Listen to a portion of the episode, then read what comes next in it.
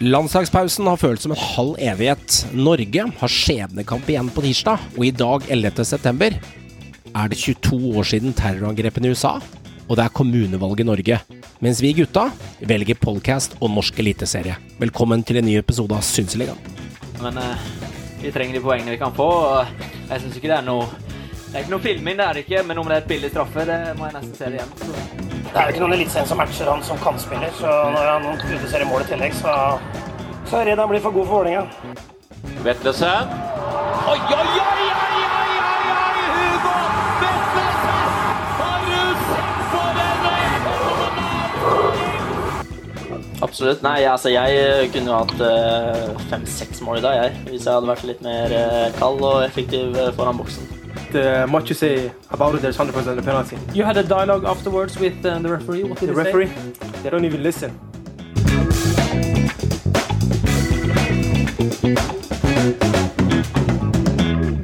I hvert fall tre av fire karer velger Eliteserien framfor eh, kommunevalg og sitter på ræva og ser på TV-en eller ser på opptak fra Forræder eller Skal vi danse til helga, Håvard. For Joakim han er jo i hjemmevern og gjør, gjør plikten! Gjør plikten som vi og tre andre sniker oss unna med Håvard er på plass, Johan er på plass, undertegnede og Meran er på plass. og er litt sånn eh, nostalgisk mer enn jeg leste introen her, for jeg søkte opp 11. september. Syns du var litt sånn kjent med datoen. Men allerede nå, noen år etterpå, jeg husker i starten dette her, når dette 11. september var liksom the, the big shit date i USA, liksom. Nå begynner man å glemme det litt. Men så var et eller annet som minte meg at den datoen var den terrorangrepen i USA i, i 2001 der.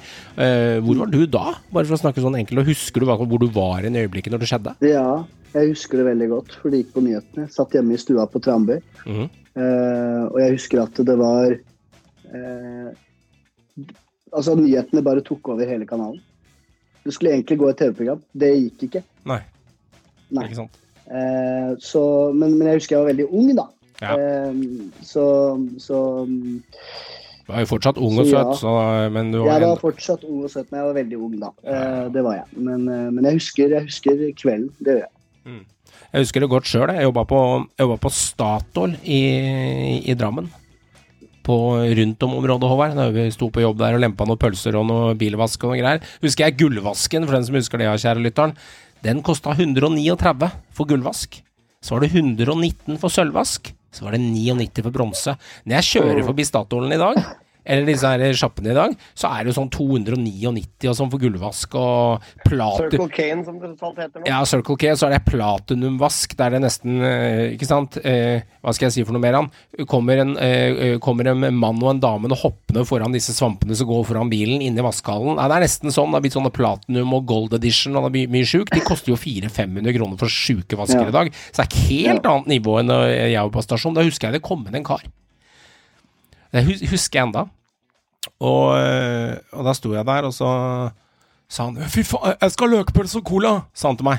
Og så sa jeg liksom, ja, ja, greit, liksom, diska på løkpølse, da, men jo, det solgte vi ikke så mye av forresten på Statoil. Løkpølse var litt fordi litt særlig Den var god. Ja, men det var, det, den gangen var det real shit løkpølse, vet du. Så det vil si at det var litt sånn Det var litt sånn, litt sånn tjukk, ordentlig bratwurstløkpølse òg var. Litt sånn som du kjente ordentlig første i bettet. Sånn som du liker å lage på arbeiderklassegrillinga på sommeren. Litt sånn ordentlig pølse, ikke noe tull. Det var en sånn pølse. Og, øh, ja, jeg skal ha noe løkpølse og noe cola. Og så putta han den første biten i kjeften, med rekesalaten og alt sammen. Fy faen, har du hørt hva som har skjedd, eller? Så tok han hånden, og så dunka han ned glassflata, og kikka på meg med alvorlig blikk. Han fikk jeg vite da. Så øh, der var jeg over Håvard når det skjedde. Hvor var du, Håvard? Jeg var på skolen, jeg. Ja. Jeg var på eh, Lier videregående, som det heter. Da husker jeg folk rulla ut masse TV-er i felleskantina uh, der. Og så satt vi og så på dette, dette sprø, triste sakene som skjedde der borte. Det var Mm. veldig rart. Husker det godt. Det er lenge siden nå. Det er ganske mye som har skjedd siden 2001. Mm, Så det er, så det er litt sånn som du sier at eh, shit, ja, 11. september, ja. Fader, det, da, skjedde det, da skjedde det, ja. mm.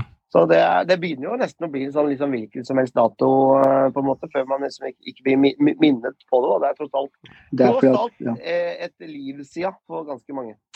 Ja, det er det. Det er det. Det er, eh, begynner å bli en stund siden. Og, så er det valg i dag. Og så er det valgkarer. Og øhm, man antar om man har stemt eller forhåndsstemt, eller eh, du har løpt ned på lokalet tidligere i dag, det liker vi å ta en diskusjon på. Men eh, noen, noen kjører valg mer enn Håvard, og holder på med det. Vi spiller pod. Så det er liksom eh, Jeg eh, var faktisk og tura opp, jeg. Og stemte rett før vi møttes her nå til pod. På Så vet du. jeg er eh, han eh, som er alltid seint ute. Ja. Så bare dura opp til eh, biblioteket på Tranby her og dura inn. og bort og gæli, og så rett inn i bilen og så hjem til pod. Mm, mm, mm. Det er litt sånn Det er, det er litt sånn Det er litt høytidelig å stemme. Jeg syns det er litt Det er, det er en greie. Og, stemme, og det å stemme på valgdagen Litt sånn etter jobb, komme gående der før valgdagen stemmer. Det er også litt sånn altså, så teller, Akkurat Håvard sånn Stemmen teller litt sånn dobbelt når du stemmer på valgdagen. eh, Det er jeg litt juks å forhåndsstemme. eh, Før i tida så, så pynta jo folk seg til valgdagen. Ja, ja, ja. Jeg husker faren din. da skulle, han skulle ha på penklærne når vi Ja, ja. skulle stemme. Ikke noe tull. Det var eh, ikke noe tull. Men det var samme fyren da, Meran, når vi var guttunger. Faren til Håvard var jo litt eldre enn eh, andre pappaer i gata, han var jo en eh, stolt mann. Men jeg husker, eh, husker faren hans Når vi skulle ned på video og i film, da tok hun på seg blazeren og barbervannet og litt deo og brylkrem på sida. Og brylkremen, vet du. Ikke noe tull. Han er ordna seg når han skulle ned på videoen. Der, der, du- der, altså det var et annet nivå. Det var sånn Egon Olsen-jålete greier. Sånn helt annet nivå. Min, far, han var en forfengelig mann. Det kan du si. Han var ikke, han var ikke snobbete, for det, var, det gikk i Dressmann og den stilen der, altså. Mm. Det gikk, det gikk i det.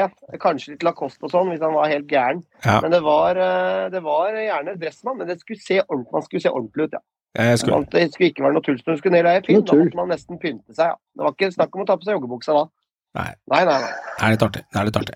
Eh, og så hadde vi en artig ting eh, i, på søndagen, Håvard, klokka to. Så kjørte vi eh, Det var eh, first release på X, altså på gamle Twitter. X heter det nå. Der kjørte vi et synseligarom. Eh, og diskuterte um, Selnes, Sæter og Bob Bradley, som slapp nyheten noen timer før. Vi var litt i forkant, da, for det var jo ikke noe hemmelighet at det var han som var nye, nye trener ut året for Stabæk, som vi kommer tilbake til etterpå. Men der kjørte vi et X live-rom, og for dere lyttere som ikke fikk med dere det, hvis dere går inn på eh, X eh, og søker opp Synseligaen der, så ligger opptaket av det rommet som jeg, eh, Meran og Håvard kjørte, det ligger ute på Synseligaens eh, hovedmeny, altså main sites, ligger ute, og da kan du lytte til det opptaket i sin helhet. Prater vi faktisk nesten 50 minutter der om Ja. disse temaene. Det er riktig, og det kommer vi til å fortsette med. Vi kommer til å fortsette å gi ut eh, temaer framover som eh, dukker opp av smått og stort. Og Det kan være f.eks. at hvis en spiller signerer for en klubb, og det er en kontroversiell overgang, eller er noe stilig, eller mye penger er brukt, eller en trener blir sparka, så ser vi gutta på om vi kan snu oss rundt, hvis det er tid, sted og rom til det, og så lager vi et rom litt på kort varsel, eh, før dere lytterne slipper å vente rett og slett på å få en pod på øret. Så er vi ute med eh, infoen kjapt. Og det er ikke sånn at eh, våre meninger er verdens viktigste, eller tanker og meninger, som Nils Arne Eggen sier. Altså, du har tanker om kampen, du har, meninger om kampen, du har ikke tanker. Eh, men det handler litt om at vi liker å prate ball. Og så er det opp til deg, kjære lytter, om du har lyst til å joine i rommet og lytte til dem. Så kan det også hende at vi, eh, vi har med oss eh, Tom og eh, kanskje også andre på Ja. disse rommene. Det kan godt hende. Og de rommene vil poppe opp eh, i ny og ne. De vil komme når vi ønsker det, eh, når, når vi vil, i vårt tempo. Til det tidspunktet vi ønsker. Så det er ikke vits å sende inn noen store ønsker og mas om disse rommene hvis det skjer noe. Altså, jeg skjønner at du gjør det ved winky-winky og et lite blunkefest på at du ønsker rom, men det må passe for Meran, det må passe for meg, det må passe for Håvard, for vi har familieliv og hverdagen eh, til alle sammen ved siden av. Så det er viktig at vi gjør det i vårt tempo, og tidssted rom når vi kan. Neste rom kommer allerede i morgen tirsdag. Rett etter landskampen så kjører vi nytt rom, og det blir landslagsprat angående Norge-Georgia. Og Der kommer vi til å gå på estimert klokka 23, så da sitter du klar med trykkeren, Håvard, og etablerer det rommet for oss. Absolutt, og da kommer vi til å snakke om eh, rett og slett eh, om, eh, som en sånn studio etter kampen. Snakke om kampen, snakke Mm. om prestasjoner, snakke om uttak. Ja. Og eventuelt da veien videre for Norge i denne kvalifiseringen. Og da håper vi også at vi har med oss en liten gjest på Ja. dette rommet. Det tror jeg kanskje, og det er litt sånn smell of space behind. Det er fare for at kanskje Tom dukker opp der hvis ikke det har skjedd noe på veien, så det kan fort godt hende. Og over tid så kan det dukke opp rom der vi inviterer dere lytterne, dere som enten er på X eller dere som er på Patrion, eh, til å komme opp over tid. Men vi skal få rommet til å rulle og gå og etablere det litt før vi eventuelt gjør de grepene, men det kan godt hende vi har planer om å få dere lytterne av Synseligaen knytte oss enda nærmere oss enn det dere har vært nå, slik at det, det blir en enda mer sånn liten familie, familiefølelse og en uh, kjøre sekta enda nærmere mer enn det vi har gjort tidligere. Det, det, det er aldri feil. En annen ting som vi også har snakket om, eh, kjære lytter, det er rett og slett å kjøre litt sånne live quiz inne Mm. på X. Vi får se. Det, også vært en Det gleder jeg meg til. Så det er Her er det mye muligheter. Mye, mye, mye snacks oppi twistposen her, så det, det er mye muligheter. Men uh, vi tar det i vårt tempo, så tar vi det derfra, så det blir fint. Så det er eh, Det, er, det har kommet en god del til spørsmål om disse X-rommene. Det fikk også jeg spørsmål inne på min eh, X-OVAR. Om de spørsmålene, eller om de eh, blir lagt ut i podform. Svaret på det er NEI, nei. Det skal ikke være redigert på noe form for vis, det driver ikke vi med podcasten heller. 99,8% av alt det vi spiller inn i podcast eh, redigeres ikke. Vi redigerer nesten aldri i podder. Hvis ikke det skjer noe helt eh, fatalt med noe brudd eller et eller annet som skjer, så gjør vi aldri det. Det er vår greie. Vi er- spiller alt live hele tiden. Da må det være en eller annen bikkje som klikker i bakkant eller et eller annet tull, men utenom det skal det aldri, aldri redigeres. Samtidig som at vi har de som ligger ute på X, Håvard, på X, så det blir kun på Synseligaen sin X. Du kan høre de eh, direkte. Og som dere da hører på den uh, innspillinga vår, så ble det litt, eh, litt sånn eh, rot. Litt sånn førstegangsrot. Og det det er rett og slett fordi at dette her var vår første, første gang, og her kommer vi bare til å bli bedre og bedre. Og, Ja. og, eh, Første er fri, er ikke det man sier, og- Ja, og sånt kan skje når det er live. Ja, ja, ja. Det kan skje. Eh, Det er sånn det er. Og det kommer sikkert til å skje Men, igjen, eh, men vi finner løsninger på det, og da håndterer vi det på best mulig alle måte. Til å sjekke ut, uh, sjekke ut det opptaket hvis man har lyst. eh, der går vi litt eh, i dybden på Selnes, Sæter og, og Bob Bradley, rett og slett. Og litt av poenget når det skjer sånne tekniske ting, vet du, at ting henger på linja eller klikker eller internettet faller ut hos en og var, det er jo bare å danse seg videre, gjøre det best mulig ut av det, og så skjønner folk at det setter Ja. meg på kontoen for eh, rett og slett at det, det kan man ikke noe forutse, vi det beste ut av hvis sånne ting skjer.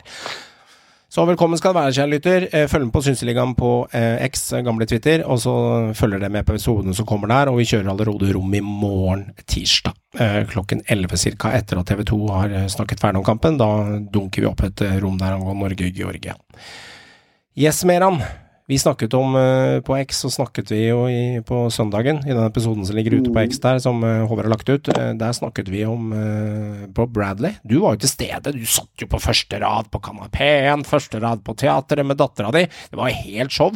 Altså, du, du koste deg, du. Ja, altså, mens vi spilte X, tenkte jeg faen.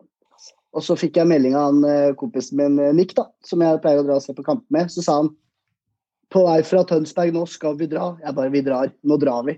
Så det bestemte vi oss mens vi spilte inn eh, med dere. Så da var det bare å hive seg rundt. Eh, og sa jeg til Vesla du blir med meg, for nå skal du oppleve noe stort. Du skal være med meg.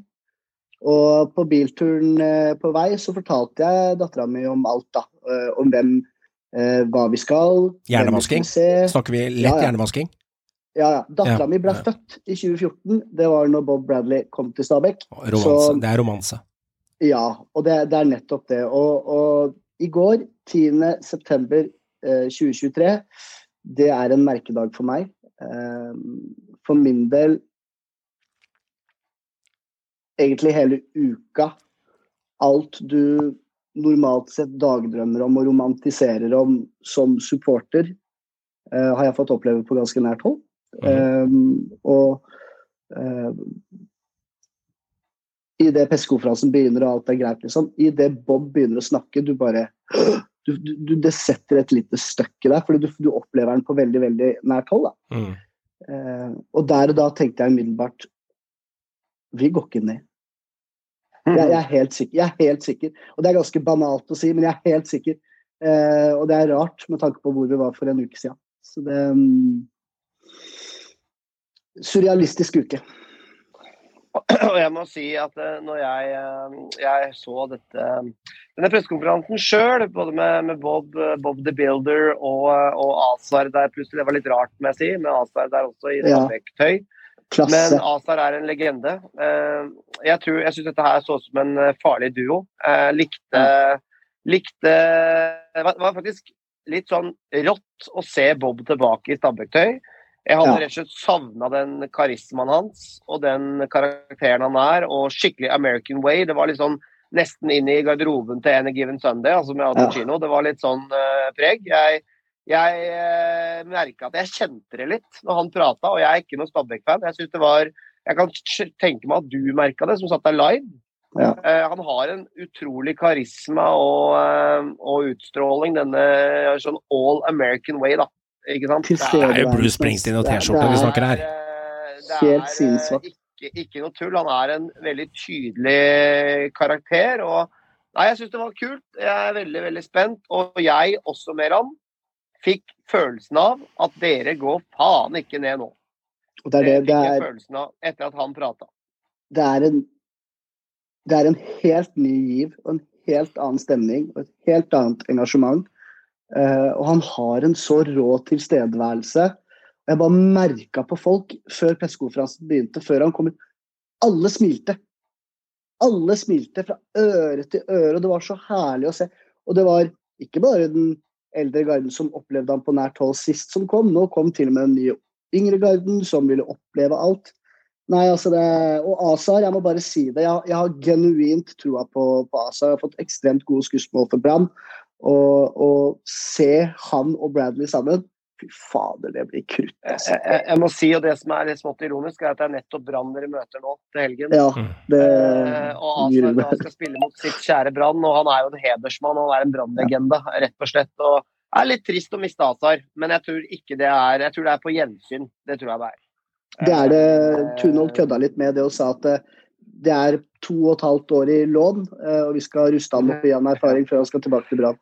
Skal ikke se bort ifra at Azar plutselig en eller annen gang leder Brann. Eh, ikke sant? Så, Ja. men, men, men jeg må si eh, Det var også rørende med han, med Stabæk-øyne, da. Eh, og en utrolig fin den 30-års jubileumsvideoen som er sluppet samme dag. Jeg må si jeg fikk frysninger. Det var godt håndverk av den personen som har lagd den videoen. Med Mm. Inge André Olsen som prater der. Den var stilig. Du, du blir Ingebrigt. Ja, hele men reisen, sorry, da. in, Ingo, du blir tatt med på hele reisen til Stabæk, og du minner bare strømmer på deg med hva, hva denne klubben har opplevd. og Det var en, eh, det var en meget fin hyllest av Stabæk eh, siste 30 år. Ja, det, Det var det. Og, og det, det, var på, det, det var en sånn bra sammentreff. og Veldig fint med tanke på at det var også Bob Bradley da, som kommer tilbake. så Ja, ironisk nok, ja, han som var ikke minst, den, eh, det er jo 30 års drakt. Altså den Ja, presentasjonen draktene av den nye drakten, og den, og den ble solgt ut. Så da kan, du, da kan du tenke at det hadde god effekt da, Ja, med, Bob Bradley og video. Så vi du fikk ikke tak i. Nei, jeg, fikk, jeg hadde ikke sjans. Det var solgt ut i det. Fin drakt. Ja, vi snakker om 100 drakter, da. Jeg, sy jeg syns Ja. uh, Ja, faen, skulle dratt på litt mer, da. Ja, men Ja. er sant, hva er Stabæk har gjort? er Panta noen flasker og solgt et halvt sete, og så ender det med at de får råd til å trykke opp 100 drakter. Ja, men er- fader, hadde du gjort dette her for halvannen uke siden, så hadde det kanskje hadde Solgt 20. meg en drakt. Men hallo, du skulle se Altså, det jeg, dere, kommer til å være, dere kommer til å oppleve et mirakel, gutta. Drakten var ganske kul, da. Ja, Den Den er dritkul. Vi skal spille mot den mot Brann nå på søndag. Jeg syns det er rart man ikke drar på mer med han i salget. Ja, jeg skulle er gjerne- Penger, da. De kunne lagt ut forhåndssalg, da, og så kunne alle som ville ha bestilt. Ja, det er Og litt så, sånn. Jeg trodde faktisk det skulle finnes mer eksemplarer. Brann gjorde noe lignende. men den skal være eksklusiv. Den var hvit og rød. Helt, helt hvit Mm, og rød. jeg husker det. Ja, det var 110 eh, stykker, det. Den, eh, ja, men det var mer, skjønner du, som kom eh, etter hvert der. Eh, Fordi de, de var så populære. Jeg ser at eh, de fikk litt kritikk for at ikke det var eh, At, ikke det var brodert eller sømsydd, da, eh, Stabæk-logoen i drakten. Det var noen som kritiserte det på X, men så tenkte jeg litt på meg selv at det, øh, Jeg skjønner at det er billigere for Stabæk, og med tanke på kostnader og hva drakta så koster sånn å få det brodert versus å bare få trykk på drakt, for brodert er penere. Men så tenkte jeg litt på meg selv, vi skal være en retrodrakt, hadde de brodert for 20-30-40 år siden? Sannsynligvis ikke. Eh, Så sannsynligvis så var det ikke det. Så jeg tenker Nei, jeg synes drakta var fin. så jeg tenker egentlig bunn og grunn det er greit det, at den var litt sånn. Jeg ser jo det Det på verste er jo det at vet du, bare ved det du sier der, så var det vel nesten mer vanlig med brodert logo. ja, Det er derfor jeg sier jeg er litt usikker. Jeg vet ikke. Ikke sant? Mulig det var det. det Mulig det det. var mer forseggjort den gangen. altså, Mulig. for meg er den ikke sagt. Drakta var strøken, det ble kjempeengasjement, det ble solgt ut med Ja, en gang. men eh, Vi er der vi skal være. fin dag for Stabæk, da. Og, Ja. og nå er dere i hvert fall rusta mer an. Man kan ikke gjøre så fryktelig mye mer nå. Man har fått Nei. faktisk tak i en ekstremt profilert og merittert trener med en sinnssyk CV i Mm. norsk Ja. målestokk, Mm. uten tvil. Mm. Han Som har elsker vært i Stabæk. småklubber siden han dro, altså. Nei. Han Mm. har vært i Premier League og toppklubber i MLS og eh, i Frankrike. Trent Egypt har han ikke da? Jo, det var Jo, før Stabæk. Før Stabæk, Eh, både både USA og Egypt. Både USA og Egypt var før Stabæk Mm, første gang. Toronto, ja. Mm. Eh, men, men eh, både LAFC og, og Toronto og Le Havre og, og, og Swansea da, i Premier League. Mm. Så det har vært en liten reise for godeste Bob. og Nå har han blitt 65 år, men han så faen ikke en dag eldre ut. Nei, han så helt lik ut. Han, han, kommer, til å, han kommer til å kjøre på, gutta. Det er ut, ut sesong med snakk om å forlenge. Det er mulig han vi fikk oss. Vi fikk det med oss. Jeg skjønner at Stabæk drar til det romantiske kortet med å snakke om at vi skal gå i dialog og sånn eh, etterpå. Det var liksom så sjarm, da. For når han prata om det, så snakka han jo norsk. Når han sa at vi skulle prøve å forlenge etter dette halve året. Alt annet ble tatt på engelsk, akkurat som de ikke ville Nei, men Bob sa det sjøl. Ja, Vi kommer ikke til å snakke om det. Ja, Vi han gjorde det, ja. Okay. Han skal, han skal være med å forme hvordan eh, den nye sportsbanen skal bli. Da, hvordan veien videre for hele Stabæk som organisasjon skal være. Hvis de ble enige. Og jeg, og jeg tror Nei, ja, det det. Jeg tror virkelig på Bob når han sier at han genuint bryr, seg om Stabæk. Ja, ja, du gjør. Han Jeg er så tror, glad i jeg tror på det, liksom. Ja, ja. Så, tror det. er litt av kjærlighet at han vender hjem, på en måte. Ja, ja, det ikke, det ikke er hjem, men det blir nesten litt sånn. Angående drakter, da. altså Det er ikke noe hemmelighet det at når Brann gjorde det for noen år siden, de stilige draktene, og den uh, grønne Adidas treningsjakka til Nils Arne Eggen som ble gjort opp, den Ja. grønne drakten i rosområdet også, veldig stilig drakt, uh, den også sleit de med å levere. Eh, så til slutt satt de bare igjen med, med, med de kvinnedraktene som hadde innsving i sida ned på hofta. Eh, og den hadde jo ikke mannfolk lyst til å gå med, for alle mannedraktene ble jo solgt. Så dette her er litt sånn Og så fikk de med et nytt parti, men det er naturlig. Men jeg syns det er litt stilig. Jeg som liker å være litt sånn samlepetter Håvard med, med tiden og liker å samle på ting. Jeg syns det er litt sjarm at de Ja, de kunne solgt 300 drakter, 400 drakter sikkert, men det er stilig å trykke opp 100. Så når du ser en kar komme med den drakta på Nadderud mot Brann i helga, hvis den kommer så fort, da, eller om tre uker mot Stabæk, så ender det med at du blir sånn Å, du har fått tak i den drakta, du er en av de 100. Dødskult, du er en eksklusiv klubb, da. Når du bare er 100 drakter, og du er ikke mange av de. Jeg syns det også er litt tøft med ham. Så jeg, jeg, Ja. jeg syns egentlig det er litt Det sånn er derre en eksklusiv klubb. Mm, det er litt sånn feinschmecker over det. Det er litt, ja, ja, det er litt det er det. Mozart-kula innafor konfekt, hvis du skjønner hva jeg mener. Jeg gjør det, og jeg er enig. Kan, kan jeg jeg veit det er corny, men jeg, det, det går fint. Kan jeg avslutte Bob-praten eh, med et lite eh, quote? Eller Ja, ja, kjør. Gjør det. et, fra når han var her sist. Eh, Mm. dette er ikke fra Bob, men jeg vet ikke om dere husker gode gamle Ernest Asante? Ja, ja, han var kjapp. Ja. Før og etter hver eneste kamp under Bob, eh, så gikk han alltid ut på Insta og la ut eh, en setning fra et bibelvers. da. Eh, uvesentlig at det er et bibelvers, men hvor han sier Og dette her representerer Bob på alle måter. Var det han sier- som lå i bibelverset, eller Bob? Yes, det var Sante. Mm. Men han sier Not by might nor by power, but my spirit. Og det er litt det Bob kommer med. Det er Mm. den totalpakka han legger igjen. eh, og hans aura, som kommer til å sørge for at vi holder plass. Mm. Jeg likte det han sa. We gotta raise the barn. Raise the fucking bar, sier jeg bare. Og ass. det Raise the bar. er et dekkende ord, altså. Det er det. Han er vel, han er vel kanskje han, nærmest du kommer erkeamerikansk, med litt den der Erik Hamren-attityden, med råskap, mens, hva, mens, Erik, altså. mens Erik Hamren var sånn eh, gentle, gentlemansmann, så er han en sånn uh, eh, Bruce Springsteen. Ikke noe bullshit. Her kommer jeg med flagg og tanks. Let's do it, boys. Let's do it, boys. Han er litt Ja, det vil spennende å se, og jeg, jeg har fått eh, litt trua på Stabæk nå. Jeg må innrømme at jeg trodde dere kom til å rykke ned. mm. Nå er jeg virkelig ikke like sikker, altså. Det er lett å bli, er sjarmert, Håvard. Ja, jeg ble sjarmert. Jeg er nyforelska i deg, gutter. Ja. Dere aner At det ikke. godeste Azar kommer inn der òg, med trøkk og tæl og ikke noe faen ikke Azar. Like. Azar, ja, som Bob sa. Azar. Nei, Azar. Azar. Azar. Azar. Jeg konge, ass. Jeg digga det. Altså, tegn på, altså, tegn på at du er nyforelska. Tegn på at du er nyforelska, vet du mer om det. Er, dette er litt sånn når du booker, eh, booker eh, to uker i Syden sammen med kompisen din, og så møter du en eller annen eh, gaselle av en senorita neppe på en sånn isbar nede i, i Syden, og så kjøper du tre kuler is for fire euro, eller hva det koster, og så var det altså nydelig å blunke Eller i, eller i voksenverden at du kjøper et par-tre drinker. Ja, Eh, jeg Jeg skal, si, jeg skal si det på en litt annen måte enn en, en den Hoxton-løsninga du dro. Og så ender det med at du står i, med av cella og sjekker deg opp, og så får du to vink og en dans, og så er du i gang, og så ordner dette seg. Og så ender det med at det blir love, romantic, between her and eh, Merando på tur. Og så ender det med at du sier 'jeg er sikker på at jeg skal gifte meg, gutta', dette, er, dette er ekte kjærlighet. Og så sier alle andre Ref. Stabæk kommer til å rykke ned. Ref. Den dama eh, på tur. Det her kommer ikke til å holde, men du er så forelska, akkurat som du er i Bob nå, at du sier bare 'nei, vi kommer ikke til å rykke ned', og du sier om hun dama 'vi kommer til å vare til evig tid'. Så forelska er du i Bob nå, på Ikke til evig tid, men vi skal holde Riktig. hvert fall. Og du har så trua. Du har så trua at, du, at du, kaster, du kaster huset på bordet for at Stabæk overlever nå, og du har rett til å stå i det. Jeg kjøper ikke den referansen i, i isbar med en eller annen dame. Den kjøper jeg ikke. Det kunne- det kunne vært- Håvard, det kunne vært pizza- det kunne vært pizzarestaurant òg. Det kunne vært pizzarestaurant òg. jeg kjøper ikke isbar. Den kjøper jeg ikke. Nei, ikke det. Det mest sjarmerende er at du henger deg opp i isbaren og ikke The True Ja, Love. det var en ræva referanse. Nei, den er helt fin, da. Den er helt fin. Det er noen som skjønner den der ute. Andre ikke. Ja, og du skjønte den mer enn? Jeg skjønte den. Selvfølgelig. Jeg, Men jeg, jeg, jeg det. likte den ikke. Den. Nei, men det er lov, det. Jeg skjønte at du dro Hokksund-løsninga med tre drinker. Det er forskjellen. Han, eh, isbar eller bar eller hva faen vi snakker om her, Ja. det Raise the bar. Bob, Bob, raise the barn, altså jeg bare. Ja, Der kom den. Da tok dere den til slutt. Raise the barn. Ok.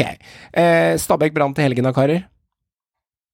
Eh, Du kan ta den, du. Jeg tør ikke. Har de fått så mye energi i det Stabæk-laget her at, at, det på at, at det kan være vanskelig, å vi Jeg tror det blir vanskelig, men jeg tror hvis vi spiller mot vårt beste, mm, muligens vi kan karme oss et poeng. Jeg, jeg det er så mye sånne elementer i den kampen her. Eh, med, med, med Azar, ikke sant? Med Bob. Ja, den er litt eh, nerva. Er mye følelser her. Første kamp på kunstgresset. Ja, det er også et Ja, element. Og Det er første element. kampen til Bob. Men, men jeg må innrømme at eh, jeg får nesten Jeg fikk en litt dårlig følelse med tanke på Bob. Og Azar. Så jeg fikk, en dårlig, jeg fikk en litt dårlig følelse. Eh, Jeg tror kanskje det blir uavgjort. Okay. Ja, jeg håper på en uavgjort, rett og slett. Fordi jeg, jeg mener en uavgjort vil være en Jeg fantastisk god Stabæk Jeg klarer å, klarer å eh, kalle seg en uavgjort. eh, Ja. Og, og, og i, i verste fall så vinner dere. Eh, Ja, det jeg, kan også skje. Jeg har ikke så trua på seier, faktisk. Men nå endrer vi totalt spillemønster. Jeg, allerede på treninga i dag er det varsla og rapportert om at vi går tilbake til firebeckslinje. Eh, bort fra det derre 3-5-2. Men vet du hva, det Gjerne. der motesaken trebekslinje, du merker at flere og flere går bort ifra det nå. Ja, jeg er så glad for at vi Eh, går bort ifra jeg er mye mer fan av firebekslinja. Ja, og vinger. Jeg elsker vinger. Vi har jo ikke hatt vinger på lenge nå. Nå, Mm. nå går vi tilbake til vinger. det er, det er en del lag som sliter med det. Og det, det merker at de begynner å gå tilbake. Altså. Det er en motesak i Mm. fotballverden. Men klart, du får jo vinger, ja, i, en, du får jo vinger i en trebekslinje, for du får fem på midten, over. Jo da. Ja, men det er du wingbacker, det er kjedelig. Du. Det er ikke det som selger. Mm. I Stabæk så har vi solgt ordentlige vinger og tjent penger på det i alle år. Vi må fortsette å gjøre det. Men, men altså, Det er flåsete sagt, selvfølgelig. Men eh, jeg, jeg mener det er helt riktig å gå tilbake til det som kjennetegner Stabæk. Eh, og at vi kan gjøre ting på en enkel måte. Og Bob var ganske klar, så jeg er veldig spent på hvordan gutta tar det. Kanskje To engasjementet aleine. rene stoppere og mer om det. Det kler Ja. laget deres bedre. Altså, Ja. tror jeg. Det gjør det. det gjør det. Vi kler å ha bekker, vi kler å ha vinger, vi kler å ha Uff, vi kler å ha Bob. Vi To stoppere vi, som, eh, som stanger unna, liksom. Og, og Ja.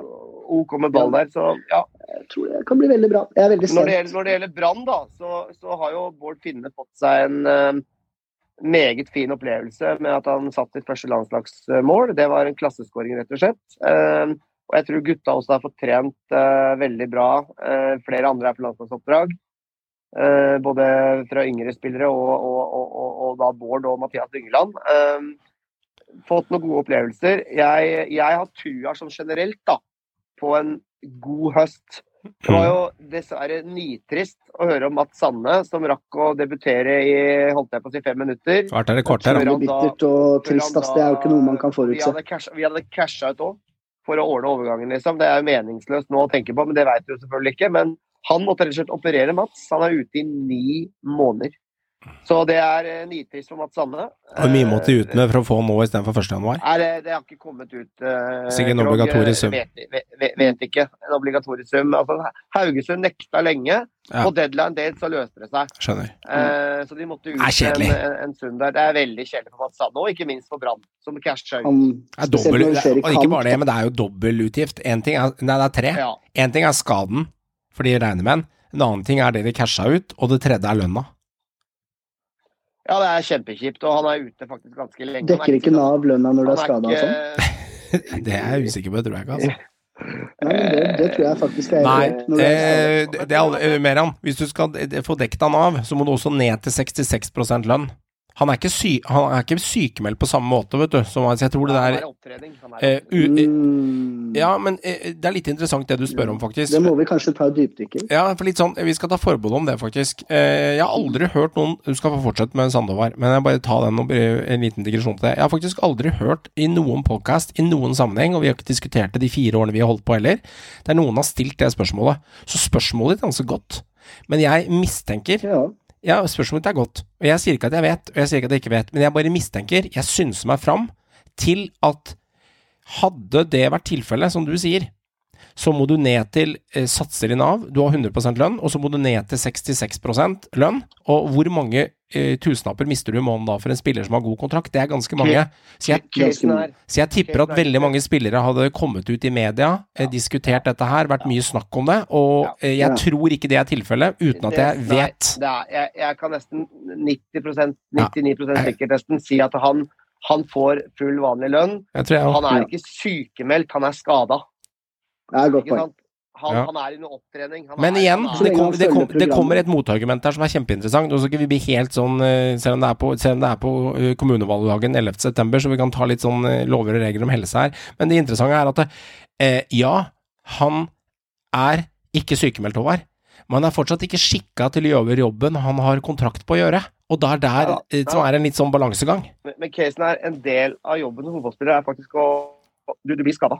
Du er, du er i risiko for Så å jeg, ja, så jeg tror det ligger i kontrakt. Så, så, så da kan du ikke bli sykemeldt hver gang du er skada, liksom. Nei, det er riktig. du ned til 66%, så det, det virker jo veldig rart. Ja. Altså, hadde jo, da hadde jo Ole noe særlig- Sæter det er nesten bodd på gata, tror jeg, for han er skada hele tida.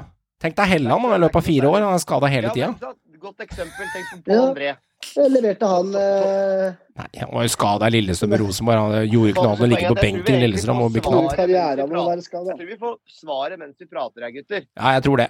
Vi har synsa oss fram til det. Det er deilig å være synsefolk. Det er herlig. Interessant, Ja, ja, ja. interessant men eh, tema. La oss ta eh, Ink og XMVA nå.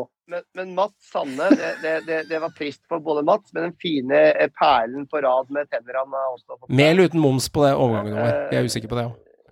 Ja, fordi Nei, det- Når vi snakker overgang, så snakker vi Ink eller XMVA? Ja, nå kan vi ta det med en gang. Vi har tida. Det burde vi ta neste gang Atta er med òg. Ja, for det er jeg søren meg usikker på. Vi tar det med Tom når han er her. Ja, han har en mening. Han har en mening. Tom, er det. Ink eller X-moms? Tom, en forespørsel her. Er det ink eller x moms når man snakker om overgang? Spørsmålet sendes til deg eh, på Lørenskog eller Skien, uansett hvor du er. Oppfølgingsspørsmål. Oppfølgingsspørsmål. Når skal vi spille vannpolo? Hvis dere vet dette her. For det er vi usikre på. Ja, det er usikre. Og, vi- og så var det oppfølgingsspørsmål når skal vannpolo spilles? Ja, når skal jeg eh, og Tom stille opp i speedo og slå dere to? Det er det jeg lurer på. Altså, jeg kan si med en gang Jeg er nødt Altså, jeg har jeg, Altså, det skal si en ting, da. Jeg er helt ok på svømming. Jeg er ikke best av oss tre til å svømme. Det eneste som gjør at jeg redder meg, at jeg har litt mer høyde enn dere. Så det vil si at det, det er litt lettere å putte meg i bur og sånn, for dere er jo dverger, dere to. Men jeg tror jeg, jeg, tror jeg drukner, jeg, tror jeg liksom. drukner altså, hvis jeg spiller mot Tom. Jeg tror jeg, mer han er, er sånn, han, er, han er best under vann-type, tror jeg. Litt sånn best Ja, på svømming ja. vann. Men så er jeg som en delfin. Jeg hopper opp, Og druknet. men jeg kommer til å dingle mest. eh, Ja. ja. Nei, det der skal vi vurdere å filme, gutter. Hvis det blir vannpolo-match mot Tom, så skal vi legge det ut. Men jeg tror vi trenger hjelp, Håvard. Jeg tror vi trenger hjelp. Så det jeg mener er at eh, vi bør egentlig kanskje eh, Kanskje jeg gjør det i løpet av det neste året. Legger ut en sånn lita Vi søker hjelp på Patreon til Patreon-lytterne våre. Der vi får noen av Patreon-lytterne til å stille opp i det laget. På vannpolet, ja. Ja, jeg tror vi trenger litt hjelp, faktisk. Fordi at det, hvis vi spiller Altså, vi må ha, en, vi må ha innbyttere, vi får pusteproblemer, vi får vann i lungene, Tom kommer til å stå og le av oss, ikke sant. Det kommer til å bli bare ting, kaos. Nå som vi er inne og kosesnakker her, for dette må jeg nevne. En annen ting som jeg har hatt lyst til lenge, det er å bli bli trent av Tom og få kjeft i pausen. Så jeg jeg ønsker meg en, mot, en kamp, en, vi i Synseligaen, og vi skal ha noen krydderspillere, vi skal ha noen X-faktorspillere med på laget vårt, og så skal vi spille mot en annen podcast. Ok, vi får se hva det blir. Og, og, og, og det Det må vi gjøre. Det hadde vært hyggelig. Ja, vi får se. Hvis du kunne valgt Da håper jeg Tom eh, kan kjefte, Ja, kjefte vi- på meg litt. Da er det én ting. Eh, også en oppfordring til Tom. Jeg veit du hører på Tom, og det er at du skal ikke få kjefte så mye på Håvard at han overtar hårføneren som jeg har fått av deg privat. Det skal ikke skje, for den hårføneren er min, Håvard. Den er din. Den er min, takk. Den er din. Ja, men jeg vil også ha litt kjeft. Det vil jeg også ha, men ikke, eh, ikke sant? Alle må få litt kjeft. Ja. Ja. Hvis du kan velge en eliteseriespiller eh, som du kan få lov til å få med i den kampen, Håvard, eh, som skal spille på laget, en valgfri en Ja. Alle, eh, La oss ta en runde på det. Vi starter hos deg, eh, som skal spille på laget vårt. Hvem hadde du tatt? Hadde du gått for spissen? Jeg- hadde du gått for jeg- midtstopperen? Keeperen? Hvor hadde du gjort det? Jeg hadde gått for X-faktoren, krydderspilleren, og en spiller jeg har spilt med før. Snikskryt. Oh, ja. Og det er, og det er Pelle. Ikke sant, han dro den, ja.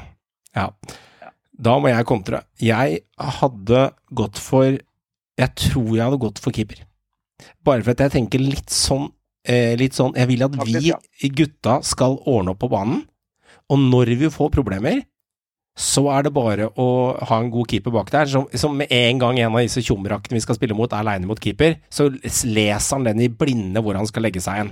Så det interessante er at det, det er samme hvem. Om det er William Myhre, André Hansen eller han Bråtveit, har Ja, ikke men du må si. én, da. ja, men alle er klassekeepere. Altså, hvis jeg skal velge en, da Uh, Bare for at det, det er litt stilig, så tror jeg eh,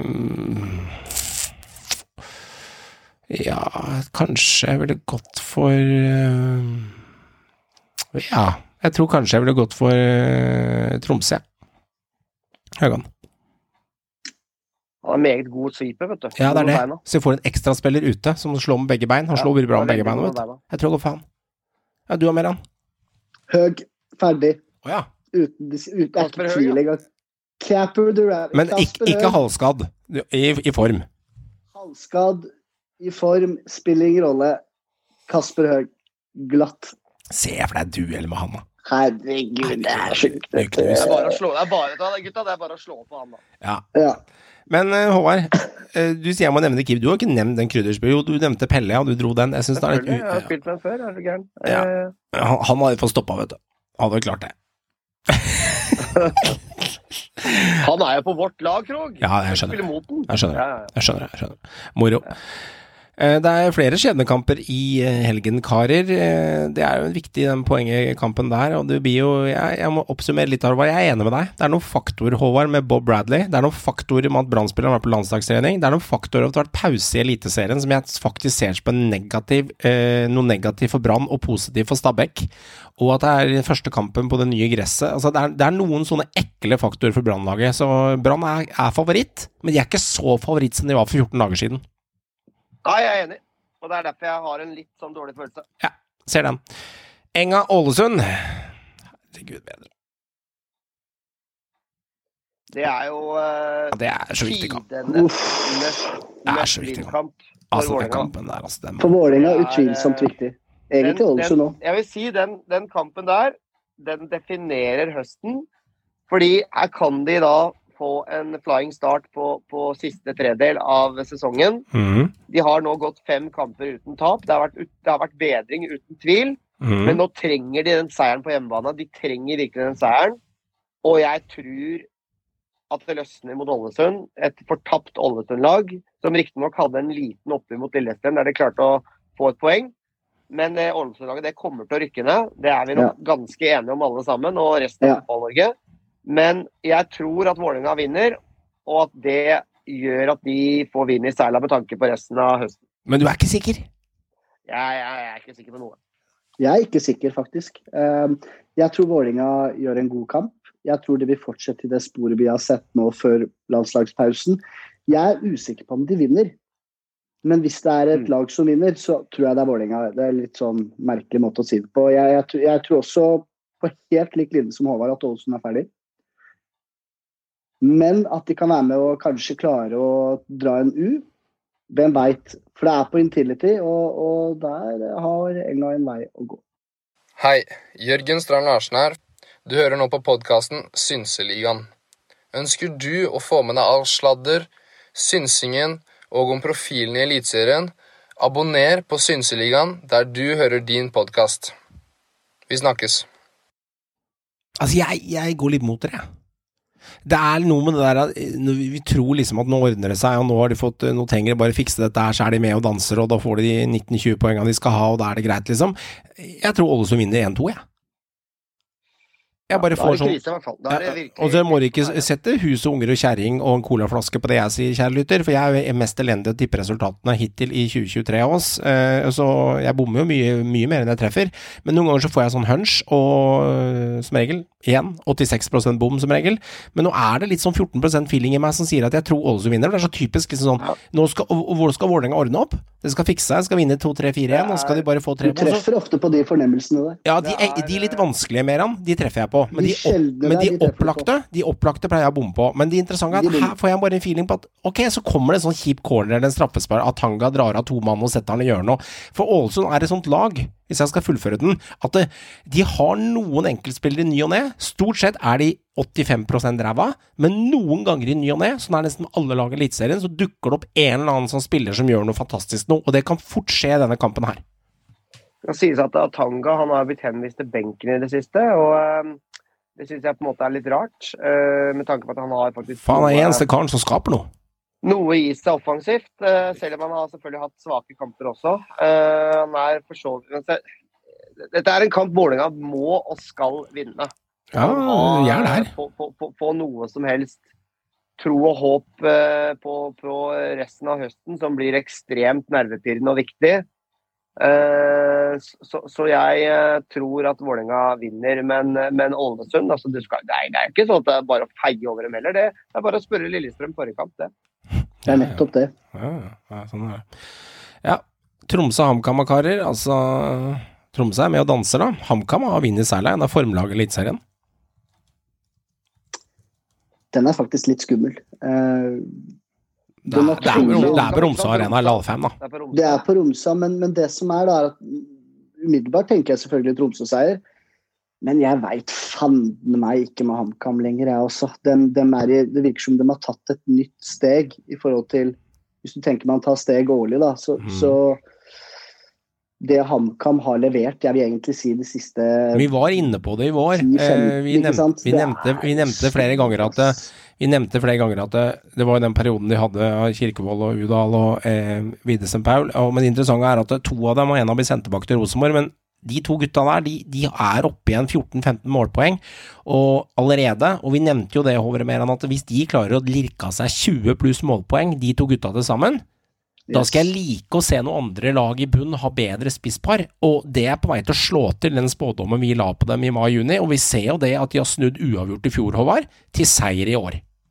Det som er litt uh, saken, er det. at uh, Udal han har, han, har, han har hatt sine bidrag, men det er jo virkelig Kirkevold som viser sin på en måte klasse nå. Som, som han viser på en måte Han er formspilleren av nå. Han, han er den soleklare formspilleren. Han er på mange måter tilbake på sitt beste nivå, eh, som han har vist i Norge før. Og så var han på et enda høyere nivå i Danmark. I Danmark var han jo god. Fikk, fikk, navnet Ja. målpål og I skåret faktisk over 20 mål i Superligaen. Og til og med også fikk landskamp, for det gjorde han. Én fikk han vel eh, på sitt beste der. Eh, men jeg tror allikevel at på Romsa, et Tromsø som, som er for alvor med i gullkampen, faktisk, når du ser på tabellen, da må du slå HamKam. Eh, og jeg tror også de gjør det. Jeg tror eh, de kom tilbake og viste sin klasse mot Rosenborg. De spilte Rosenborg av banen til tider. Eh, og jeg tror at de rett og slett blir for gode for HamKam. Mm. Selv om at Kamma er, er et decent lag Mm, med Kirkevold på topp. Og Mm. skal ikke glemme Moses Mava heller, som har henvist Udal til benken. mm. Eh, ekkelt spisspar, Mm. men allikevel tror jeg at kvaliteten til Tromsø med, med Napoleon Romsås i spissen, de er for gode. Mm, jeg tror også Tromsø vinner den. Eh, og det kan bli en viktig seier òg, fra de kampene som andre kampene kommer tilbake til her òg. Det, eh, det er ikke noe automatikk i at eh, de andre topplagene skal bare gå vekk og hente tre Nei, poeng heller i helga. Og det er sånn de ikke bare tre poeng bak uh, Viking og Glimt der, så altså, de henger jo skikkelig med der oppe, Tromsø. Så de vil jo, de vil jo vise at de fortsatt vil henge med òg. Mm, mm. Han eh, Napoleon han eh, stopper jo heller ikke. Jeg lurer på om han blir plukka, altså. Jeg lurer Hvor lenge kan de beholde han, guttungen den Jeg tror etter sesong så går han. med. Allerede fått svære bud på den, vet du. Så eh, fortsetter han her, og den alderen han er i òg Han er jo Altså, hvor gammel er gutten da? 18-19 år? Mm. Um, Men de takka nei på 30, hørte jeg. Rett før Ja. overgangsvinduet. Seriøst? Var det så høyt? Jo, jo, Ja. selvfølgelig. Altså, den alderen han er i, er du gæren? Vi snakker Karlsbakk. Vi snakker Karlsbakk, eh, Johan. Det er... Ja, Altså, ja, ja, ja. vi skal huske på at Karlsbakk Johan han gikk på 30, og han skårte han skåret mye mindre enn hva eh, Napoleon Ja, gjorde. ja, ja, jeg skjønner jo at bare jeg skrur på krana hjemme på vasken og, og fyller et Ja, ja. glass vann, så er det ti kroner det er- rett ut. er- Jeg forstår bildet. Det er på sin plass òg. Det er på sin plass, ja. Ti kroner for et vannglass vann, ja. Mm. han, han, er, han, er, han er spennende, uten tvil. Ja, det er helt enormt. Komet, komet Han er 19 år. eh, Han- 19 år, ja. Blir 20 neste år. Så, så, så 30 mil for han, eh, pluss pluss, Ingenting. det kan fort skje. Det, er, det er litt sånn som jeg sa til en kompis eh, en dag nå, så du tulla litt, igjen, uavhengig av hvem det var. Så sa jeg altså, inviterer jeg dame i 2023 bare på, eh, bare på middag, glass vin ute, eller på en liten kinotur med noe smågodt. Det har nesten blitt eksklusivt i 2023, for nå, nå blir du flådd bare du går utafor døra. eh. Netflix og chill er gamle dagers middag og alt sånt. Det er det, er det som gjelder nå, Johan. Du, det, altså, Jeg skjønner Ja, ja. det, det, det, holder, det. Ja, Altså, det- det- Meran er fin. Det holder. Det holder. Det holder, Vi, det. vi får høre på en som er i gamet. Ja, ja, Meran han, han er ute hele tida. Han har kontroll. Full kontroll med han. Eh, angående Patreon vil jeg si noen eh, par ord om det, kjære lytter. Jeg ser det er flere som har spurt om det, og det fungerer. De RSS-linken du finner inne på mitt medlemskap inne på Patreon, kopierer du den linken, går inn i Android eller Apple og limer den inn med de tre prikkene øverst til høyre hjørne, der du kan legge til kode. Så limer du inn RSS-linken for dem som er på Patreon. Da får du Patreon-episoden direkte opp i Apple, eh, eh, Apple-podcasten din, det merket som ligger på iPhone-telefonene, eller i Androiden din. Den fungerer ikke opp mot absolutt alle browserne der ute, men Acast og de mest kjente gjør det på Android, men på Apple fungerer den på alle. Og for deg som bruker Spotify, jeg gjentar det, søk opp Synseligaen pluss med et plusstegn og minustegn. Bruker, bruker du plusstegnet akkurat som i matte. Synseligaen pluss Patrion, og da får du opp den røde Synseliga-logoen. Hvis du finner den inne på eh, Spotify, så får du alle våre vanlige episoder pluss våre Patrion-episoder du har mulighet til tilgjengelighet på, og da kan du melde ditt medlemskap direkte inne der. Og du har gjort det, Meran, og du syns det var ekstremt enkelt, for du gikk fra Patrion-appen, som også kan fortsatt Det var superenkelt. Man kan også- Den gjør alt for deg. ja, for man kan også bruke Patreon-appen for dem som ønsker det. Noen liker den måten å gjøre det på, mens andre liker å bruke det gjennom Spotify, og du syns det var enkelt og greit. Ja, ja, det var veldig enkelt. Men jeg kan som sagt øh, velge akkurat hva jeg vil, og sjonglere akkurat som jeg vil. og Alt var superenkelt, bare. Riktig. Da finner du det inne i Spotify, og så bruker du RSS-linken RSS-linken for dem som eh, har Patreon inn mot eh, Apple eller Android. Så tusen hjertelig takk for dem som melder seg inn og er medlem av Synseligaen. Vi lover å levere gode resultater framover, og det er mange som ukentlig melder seg inn, og det er hyggelig å se at det kommer stadig vekk nye folk der inne.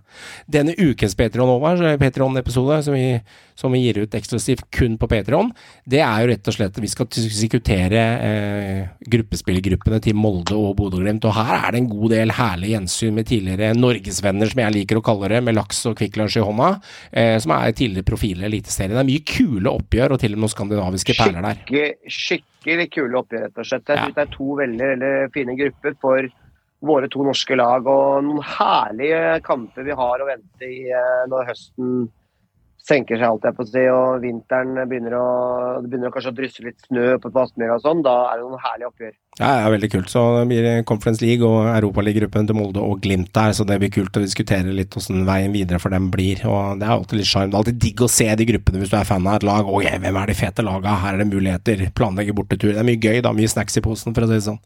Så det blir ukens Patrion-episode. Karer, i morgen er landskamp. Det er brus eller døden. Eh, Elling 1, Håvard, med Kjell Bjarne og Elling. I morgen så er det vinn eller, eller eh, taper av lusekofta. Gå hjem, altså. For den kampen, den må de vinne. Ja, altså for Hvis jeg skal være helt ærlig, så er det sannsynligvis fucked uansett. Men for å eh, for nå- fucked. Nå, nå knuste jo Spania Georgia 7-1, faktisk. eh, Og Skottland Det er voldsomt. Slo, Kypros. Ja, det var voldsomt. I, borte i Georgia også. De, de, de Ja. satte skapet på plass, rett og slett, Spania. Uh, Og Skottland uh, oppskriftsmessig slo Kypros borte. Uh, De har jo satt, satt inn støtet så det holder. Skottland kan til og med være klare for EM hvis vi avgir poeng. Um, allerede nå i morgen. Men, da, men, men for at vi skal ha et håp, at det skal være liv in the hanging snore, som Eggen ville sagt, Yes. så, uh, så må vi vinne i morgen. Ja, du, Ja, det er must win. ja, har du trua? Jeg, eh, jeg har eh, trua på seier, og med all respekt så skulle det bare fuckings mangle at vi må, vi må vinne på Ullevål nå. Nå har vi Ja, Ståle snakker om vi har spilt bra, vi har gjort sånn, vi har gjort sånn, men vi står altså med de stusslige fire poengene våre. Hvis ikke jeg har regna feil, så er det Fire poeng poeng vi står med. Yes. Eh, og det er altfor dårlig. Det handler faktisk om å vinne denne campen, som Brede Hangeland sier. Vi må faktisk ta de poengene. Eh, og det nytter ikke hvor bra du spiller når du ikke vinner. Ikke sant? Eh, så nå må de klare å bikke disse kampene og sluke bort disse personlige feilene som det har vært mange av. Og nå har vi en supertent Braut, forhåpentligvis, Det er ny frisyre og greier. som har banka i inn mål for moro skyld. Ser ut som Snoop Dogg, han Braut snart. Det er herlig. Det er, det, det, er, det er bare en superstjerne verdig, den sveisen der. Hmm.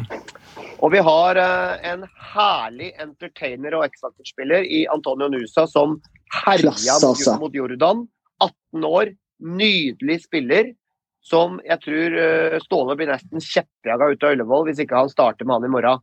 Og han kommer til å starte, det tror jeg.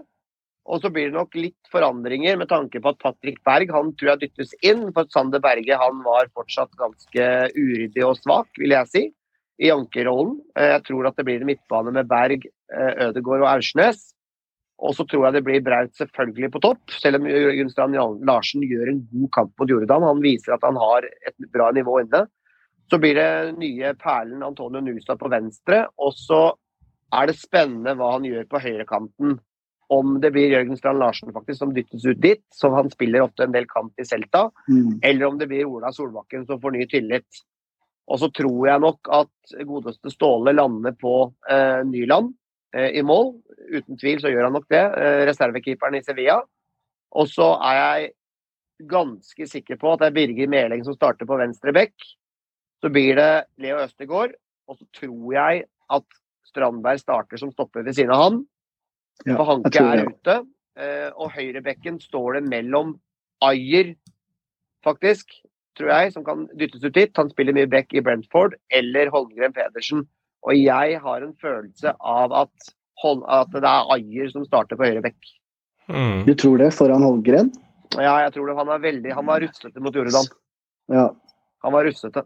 Hmm. Ayer gjør en god kamp. Han er en av banens beste, det er riktignok som stopper. Men han gikk også ut på høyre bekk på slutten av kampen, når Holmgren Pedersen gikk ut.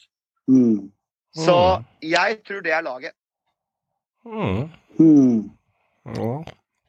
Interessant. Og jeg liker egentlig Men Ryerson, da? Hva med altså, Ryerson? Kan han lure seg inn i miksen? spiller jo, han spiller jo nesten Han spiller jo så til fast i Dortmund, men Det allikevel så er han ikke så foretrukket av Ståle i en elver, altså. En toppa elver. Det er han ikke. Merkelig. Litt rart, kanskje. Ja, det Jeg har ikke noe godt svar på det heller, for han, for han leverer sterkt. Men det skal så- sies at han har ikke gjort bare gode landskamper, Ryerson. Det har han ikke gjort. Nei, Men nå syns jeg Holmgren var rufsete, og jeg tror at fort det blir eh, Ayer som dyttes ut på høyre kant, også for å demme opp for Kvaratskhelia. mm. Hmm. Jeg mener Selvik bør stå. Jeg, for min del, jeg beklager, det er kanskje litt negativt, men jeg begynner å bli drittlei Nyland. Eh, Jeg er drittlei Nyland. Jeg vil gjerne hatt eh, Egil Selvik i mål, jeg. Jeg syns han har levert eh, Fikk egentlig en ganske 45 nå, holdt, eh, holdt nullen eh, riktignok mot et svakt uh, Jordan-lag, men uh, han fikk i hvert fall debuten. Jeg bedømmer det ut fra hva han har gjort i Eliteserien, egentlig både i fjor og i år. Jeg, jeg, jeg syns uh, Selvik bør få muligheten. Jeg syns han har vist mer enn Nyland. Eh, personlig spør du meg en bedre keeper enn Nyland også. Jeg er på mange måter enig, for at eh, et kriterium må være at du står jevnlig, og Nyland står ikke fotballkamper. Selvik er sentral for Haugesund. Riktignok et dårlig lag, men han er en god keeper. Ja. Han er en god keeper. Han er en god keeper. Jeg, jeg mener jo også at helt reelt Mathias Dyngeland skulle vært et reelt alternativ, men han er nok tredjekeeper. Og så er det nok Selvik et hakk foran, virker det som.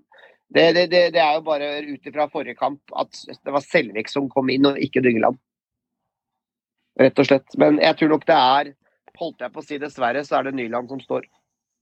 Altså, eh, jeg, jeg ser jo det i sosiale medier, litt grann sånn fram og tilbake og litt sånn. Altså. Eh, mange som klager på det, at liksom, nå har alle avisene blitt så clickbait, sånn Dagbladet, VG og Nettavisen og alt sammen. Handler om klikk, klikk, klikk, klikk, klikk. Og alle skjønner jo at det handler om reklamekroner, reklamekroner, reklamekroner. Man skal tjene penger, og så har det gjøre å ja, bruke disse lytter-, seer- eller klikktallene sine til å, til å selge mer aviser og vise fram til redaktørsjefen sin hvor flinke du er til å lage caser, så det lever journalistene av alt, det der skjønner vi. Men jeg vil la oss fascinere at det, eh, frisyrer, kjærester og tatoveringer, Håvard, det selger i 2023. Og når vi var unge, når Dennis Wise og Paul McGrath og sånn spilte, med shortsen langt opp i hutiheita, så var det ikke så mye frisyrer, kjærester og tattiser. Du hadde noen Everton-backer som så, så litt jålete ut en gang i tida, men da var det røffere. Men nå er det bitte litt jålestyle, det er mye penger inne i bildet, det skjer mye.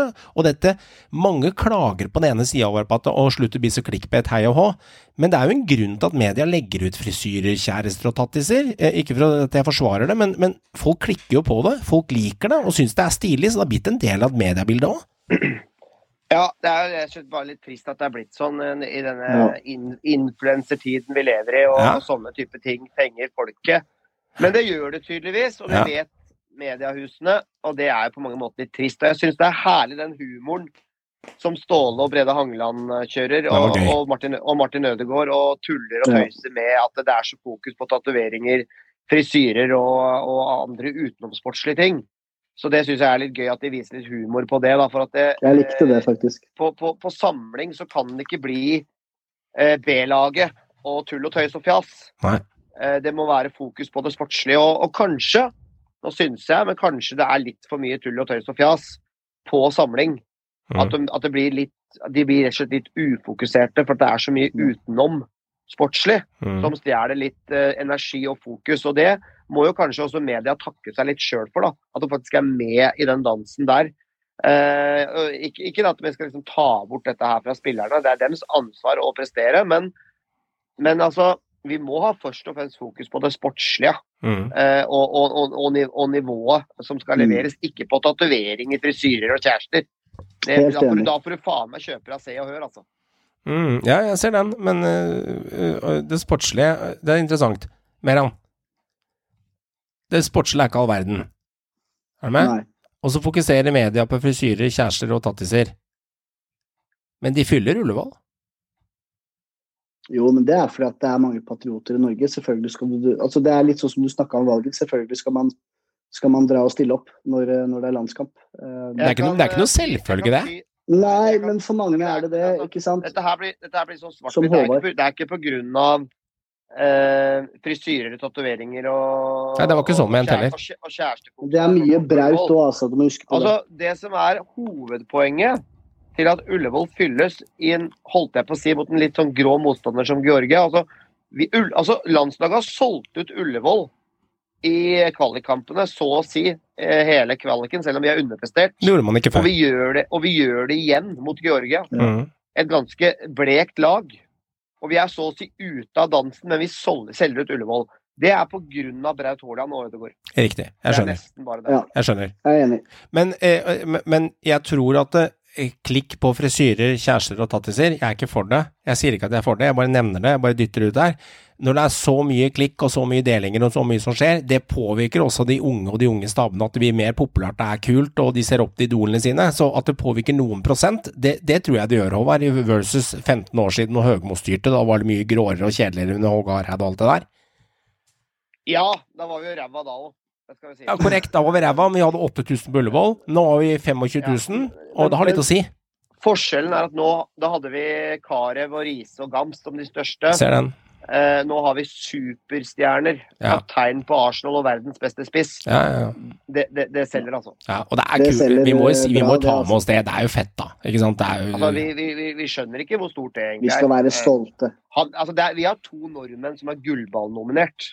Og han ene har faktisk gode sjanser til å vinne gullballen, for faen. Ja, han burde Ja, vinne. Han burde altså. vinne. Vi skjønner hvor stort det egentlig er. Vi, vi skjønner ikke hvor stort det er. Nei. Vi gjør ikke det. Det er jo sånn det er, da. Ikke sant? Det er jo litt sånn det er. Altså det, eh, 30 år etter at, eh, etter at de, de største artistene herja, og så stryker med en artist, ref som Michael Jackson og sånn, som det var King of Pop og sånne ting. Det er jo etterpå man skjønner hvor big shit moroa var. Du ser det på Altså- Elvis også, alt sammen. For å altså- bruke litt sånn Ja. eh, superlativ på det. tror, jeg tror eh, jeg tror ikke Braut vinner, men jeg tror han får andreplass. Mm. Jeg tror, jeg tror av VM så tror jeg Messi vinner, og det er Messi. Ja, det er piss. Ja, jeg er. Braut har knust tallet hans jeg, i tror, jeg tror at det er Messi vinner, og så tror jeg Braut får andreplass. Og det i seg Ja. sjøl, at vi har en norsk, norsk Men kårer de andreplass, eller kårer de ikke bare vinnere? Det kommer andreplass, ja. Ok. Men jeg tenker, jeg tenker litt på en ting. Er ikke det sånn klassisk med sånne store the big shit, uansett om det er idoler eller popstjerner eller skuespillere eller fotballspillere, man, altså, det er etter at de stryker med, eller at de ikke har fotballspillerne skal gjøre det, altså, men sånne typisk gamle helter og sånn George Clooney-style og sånne ting, er det ikke etterpå man begynner å skjønne hvor gode de var når karrieren var over? Da hører man sånn fy fader, han var en av verdens beste spillere. Man skjønner ikke alvoret når det egentlig står på. Ja, ja, altså nå er det jo altså, det, det tror jeg er veldig personavhengig, men, men altså alle i Norges land, selv om du ikke liker fotball, Ja, ja, eller om du forguder det, du har fått med deg Breit Haaland, liksom. Han, Ja, ja. er et, han, er et, han er et unikum, og han er nok som vi ofte også sier her i Norge, han er nok enda større i utlandet enn han er her hjemme. Ja, ja. Det er også sånn Han er sier det. her hjemme. Men det er nok. Det er som mora mi sa, han så Braut Haaland på TV-en i intervju. Under sånn Sportsrevyen-opplegg for U6 Milandskamper og sånn, med sånn liksom heter Sporten. Vet du hva han sa for noe, gutter? Johan. Ja. Han er jo et dyr, sa han bare. og så sier jeg bare, hva mener du? «Nei, Se, se på han, da! Han ser jo helt vill ut, sa Så sa jeg han er ganske brutal, liksom. Ja, ja, han er et dyr, sa han bare. Det var alt mora mi sa. Fin beskrivelse, det er mor. Ja, mor, han er et dyr, liksom. Så, hvordan ender den kampen av karer? Jeg tror vi 4-1 til Norge. vinner eh, tre eller fire igjen, ja. Jeg tror, jeg tror tre eller fire. Ja. Jeg tror det. Du tror vi tar det? Jeg tror vi tar det. Komfortabelt, tror jeg faktisk. Ja, spennende. Spennende. Skårer Braut? Jeg tror han skårer to. Ikke sant. Det er, det er litt sånn det er, det er, det er litt sånn Northug over det. er Sammen som vant, bare det var Northug som vant. Det var litt sånn han herja. Det er samme så lenge han scorer, så er det ok, liksom. Jeg må si jeg, jeg gleder meg til å se, se Antonio Nusa. Jeg håper Jeg. Ståle har baller nok til å starte med han. At han starter og kan servere Braut. Og det gleder jeg meg til å se. Han bør, han bør ha baller til det. Han er formspilleren by far. Jeg kan ikke skjønne noe annet. Ok, ok. Ja, han er formspilleren sammen med Ødegaard og, og Braut. Ja. Ja. Hallais, mitt navn er Adrian Nilsen Preira. Hvis du har lyst til å følge meg og de andre spillerne i ligaen, så må du følge med på Synseligaen. Av fans for fans.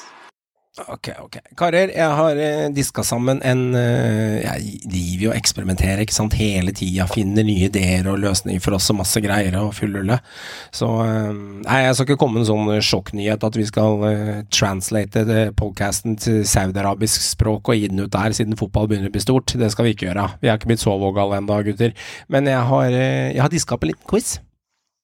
Oi, Mm. miniquiz. Ja, ja. Og jeg hadde bestemt meg for å kjøre den i dag. Dette er en liten prøverunde på den her. Eh, selv om Joakim ikke er her, så tar vi en prøverunde da, for den her kan kjøres i veldig mange varianter. Eh, så rett og slett så Quiz, det liker vi, Meran. Ja. Det liker vi veldig godt. Det her er en litt annen variant òg, så den er egentlig ganske stilig. Eh, Vi finner jo på nye ting hele tiden, eh, og da tenker jeg liksom at vi kjører denne her, så kan Joakim få prøve seg på den siden også. Men eh, den her kan bli spennende. Den er en litt annen variant, eh, og jeg kommer ikke til å kjøre den med eh, klokke eh, denne gangen. Det kan hende at det blir klokke senere. Men eh, jeg vil se litt hvor lang tid den her tar. Du må være konsentrert, eh, Håvard og Meran. Det er viktig. Eh, og så er det mulig å hente syv poeng. Det er maks. Seven Heaven. Husker den gamle serien, serien på TV2 og var? Med det, kri, oh, ja. det kristne hjemmet med han derre pastoren og, pastoren med alle ungene. Alle ungene. Og alt det Og så viste det seg jo at han skuespilleren han var jo en skikkelig jævla skuespiller. Ja, ja. In real life? Den serien, en altså, den, serien, er jo cancela overalt. Ikke sant? Jeg husker jeg den serien der det var sånn perfekt familie, og så var det masse faenskap under der. Sånn, og- Jessica Biel var eh, Ja, også med. Men uansett, det er syv poeng, karer, som kan kjøres, så vi prøver det her som en liten greie. Jeg skal teste den her ut, eh, og se hvordan den fungerer. Eh, Kom på den i siste dagene, den quizen her. Det kan være en artig måte å gjøre det på. En litt annen variant eh, enn tidligere. Fordi eh, quizen er lagt opp sånn at eh, den andre parten eh, bestemmer Og jeg kjører ikke tid i dag, for jeg vil se hvor lang tid dere bruker. For dere kan få lov til å bruke litt tid, det går helt i orden, og så tar vi en liten prøverunde for å sjekke det. Det er jeg er helt innafor å gjøre. Og så kan vi lansere den som en greie når vi kjenner på at denne her er trygg. Eh, men vi tar den med. Og det er at den andre parten, dvs. Si Meran, skal bestemme hvilket lag Håvard skal få. Og Håvard skal bestemme hvilket lag fra Eliteserien Meran skal få. Å. Så da sier det seg selv du er ganske tjukk i huet hvis du sier Brann, og du er ganske tjukk i huet hvis du sier Stabæk, ikke sant? Så Ja. det lønner seg å være der. Så må du tenke litt sånn. Saken er det at det laget du nevner, la oss si du nevner Rosenborg, så bestemmer jeg den andre kampen, eller andre laget, sånn det kommer fra. For det jeg gjør, er at jeg går inn og velger en kamp fra 2022.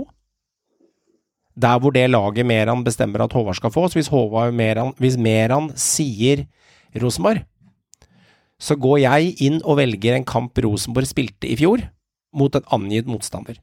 Og jeg kommer til å gjøre det veldig enkelt. Da ruller jeg bare ned, for jeg har meritt, eh, med, med terminlista foran meg fra alle eliteseriekampene i 2022. Veldig enkelt. Og så ruller jeg bare rett og slett ned til eh, en Rosenborg-kamp som de har spilt hjemme eller borte. Og så får dere noen spørsmål fra en angitt kamp i fjor med det laget. Skjønte dere oppgaven? Ja. Mm. Noe du lurer på, var du så betenkt ut? Det hørtes vanskelig ut, men vi prøver. Nei, det er ikke så vanskelig. Det er ikke så vanskelig. Nå er det prøverunde, over, så det gjelder ikke. Dette er rett og slett en prøverunde, så vi må få testa om den her funker. Jeg tror den funker bra, den skal ikke være så veldig vanskelig å forstå. Eh, det vil si at vi eh, jeg har i hvert fall et tall i hodet mitt mellom 1 til 100, og så kan dere tippe det tallet, og vi starter hos deg, Håvard. Sju. Ok, Meran. Åtte. 88, tipper jeg, så da starter Meran. Ehm, da starter du. Du skal få tippe da, Meran. Uh, du skal ikke få tippe noe, du skal fortelle meg hvilket lag Håvard skal få til å få. Du nevner ett lag. Eksempelvis Rosenborg. Du er sannsynligvis ikke de. Og så ruller jeg ned og finner en Rosenborg-kamp fra i fjor. Hvilket som helst lag som var i Eliteserien i fjor, får du kjøre. Haugesund. Vi kjører Haugesund. Ok. Og da ruller jeg bare ned til Eliteserien. Publikumsfavoritten Haugesund. Da runder jeg ned her til eh, runde 16. Jeg sa det mest for å unngå det sjøl. Ja. Runde 16, det var 30. april 2022, lørdag klokka seks. Og lagene var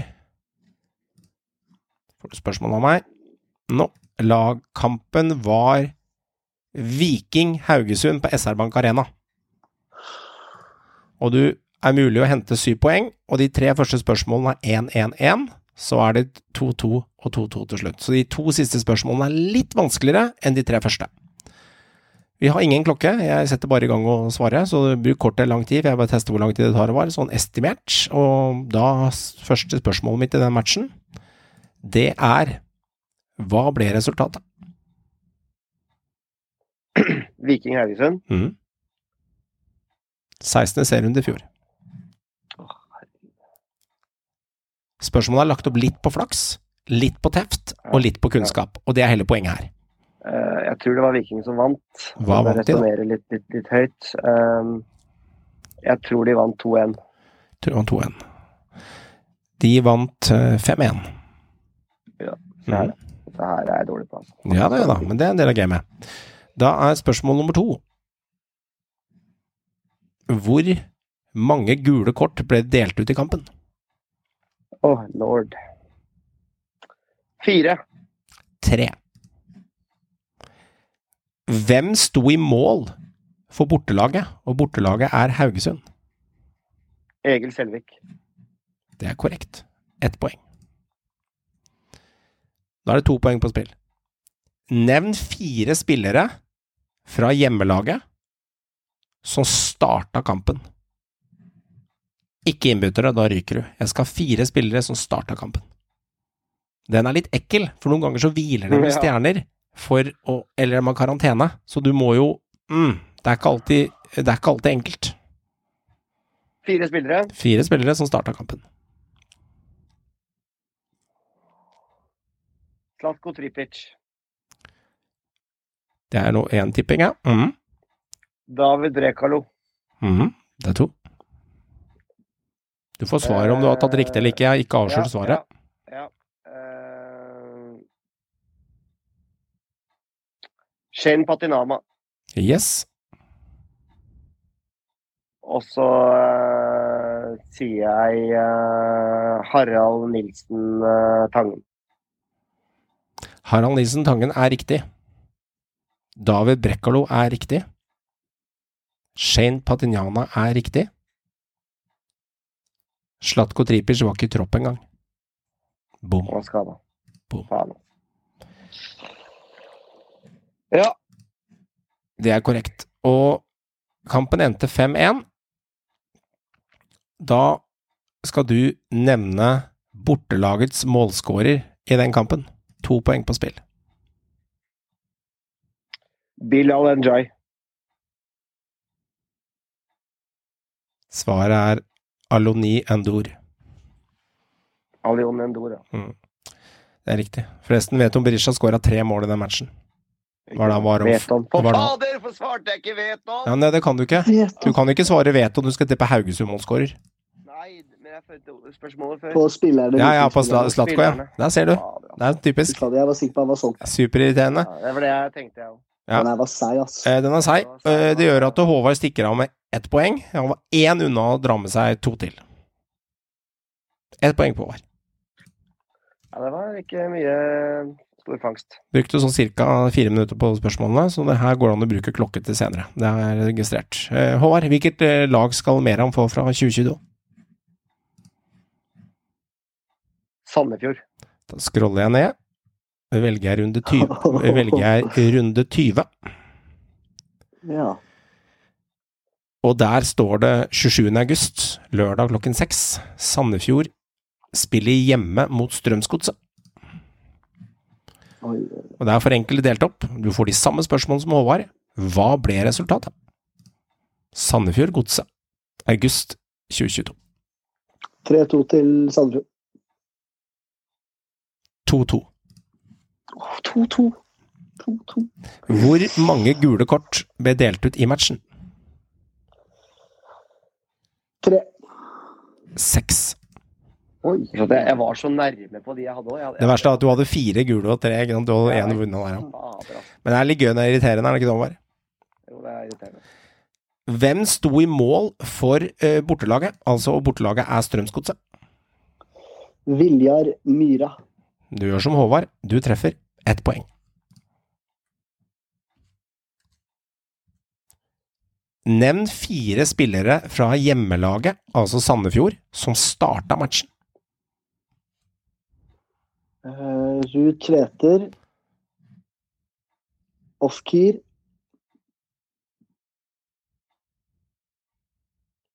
St- eh, Jakob Storvik. Og uh, Gilbert Komsom. Ruud Tveter er korrekt. Ofkir er korrekt. Hugo Oliver Keto sto i mål, faktisk. Storvik var benk. Ai, ai, ai. Og den siste var Eh, Komsom. Jeg tror jeg gikk på den nå. Komson var ikke i tropp.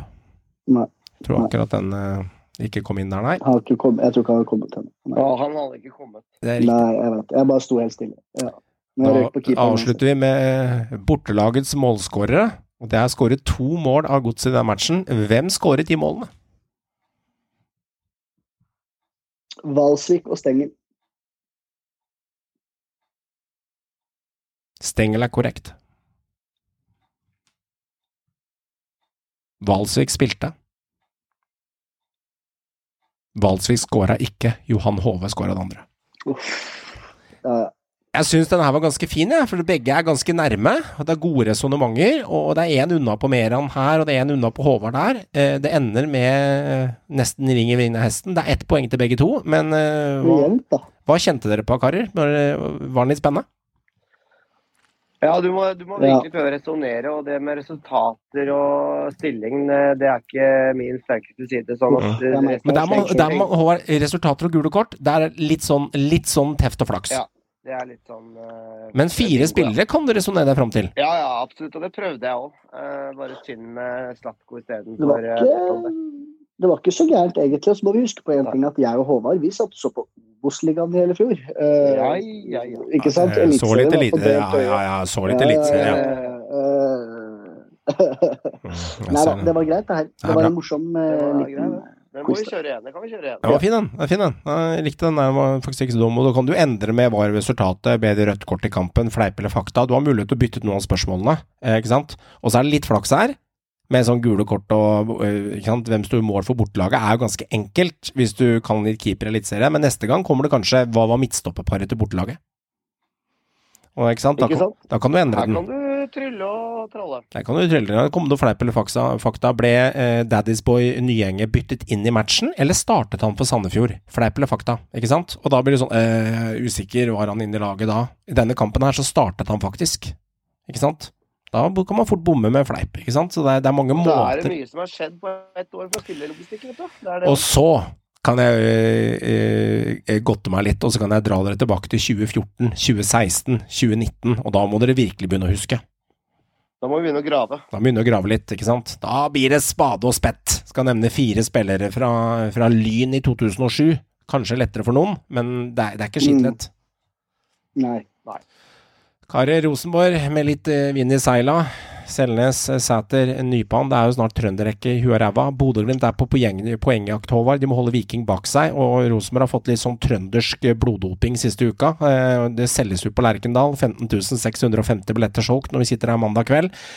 Det blir en fest, og Rosenborg kommer ikke til å gi bort de poengene her gratis. Disse her skal de gule fra nord slåss for. Ja, uten tvil. Og uh, i en uh, ellers traurig og kanskje nesten historisk svak sesong av Rosenborg, så har de i hvert fall fått noe å spille for, og det er jo ære med tanke på rett og slett få litt, litt eh, trua på det og litt sånn tillit hos fans og folket i, i Trondheim. Så- rett og Og så er det selvfølgelig en, en gulrot med tanke på at den Holdt jeg på å si, en av de store sønner der oppe, Ole Stelnes, har vendt hjem. Og Sæter har skrevet ny kontrakt. Jeg er usikker på om Sæter er skadefri, Johan. Er han det? Ja, det ser sånn ut, ja. Han er det. Ja, så, så kanskje rett og slett begge er rett inn på laget. Og eh, Mm. jeg, eh, jeg tror det blir jevnt. Jeg tror det gjør det, faktisk. Eh, Rosenborg har sett bedre ut, i hvert fall offensivt. De er fortsatt variable. Fryktelig kamp mot Tromsø.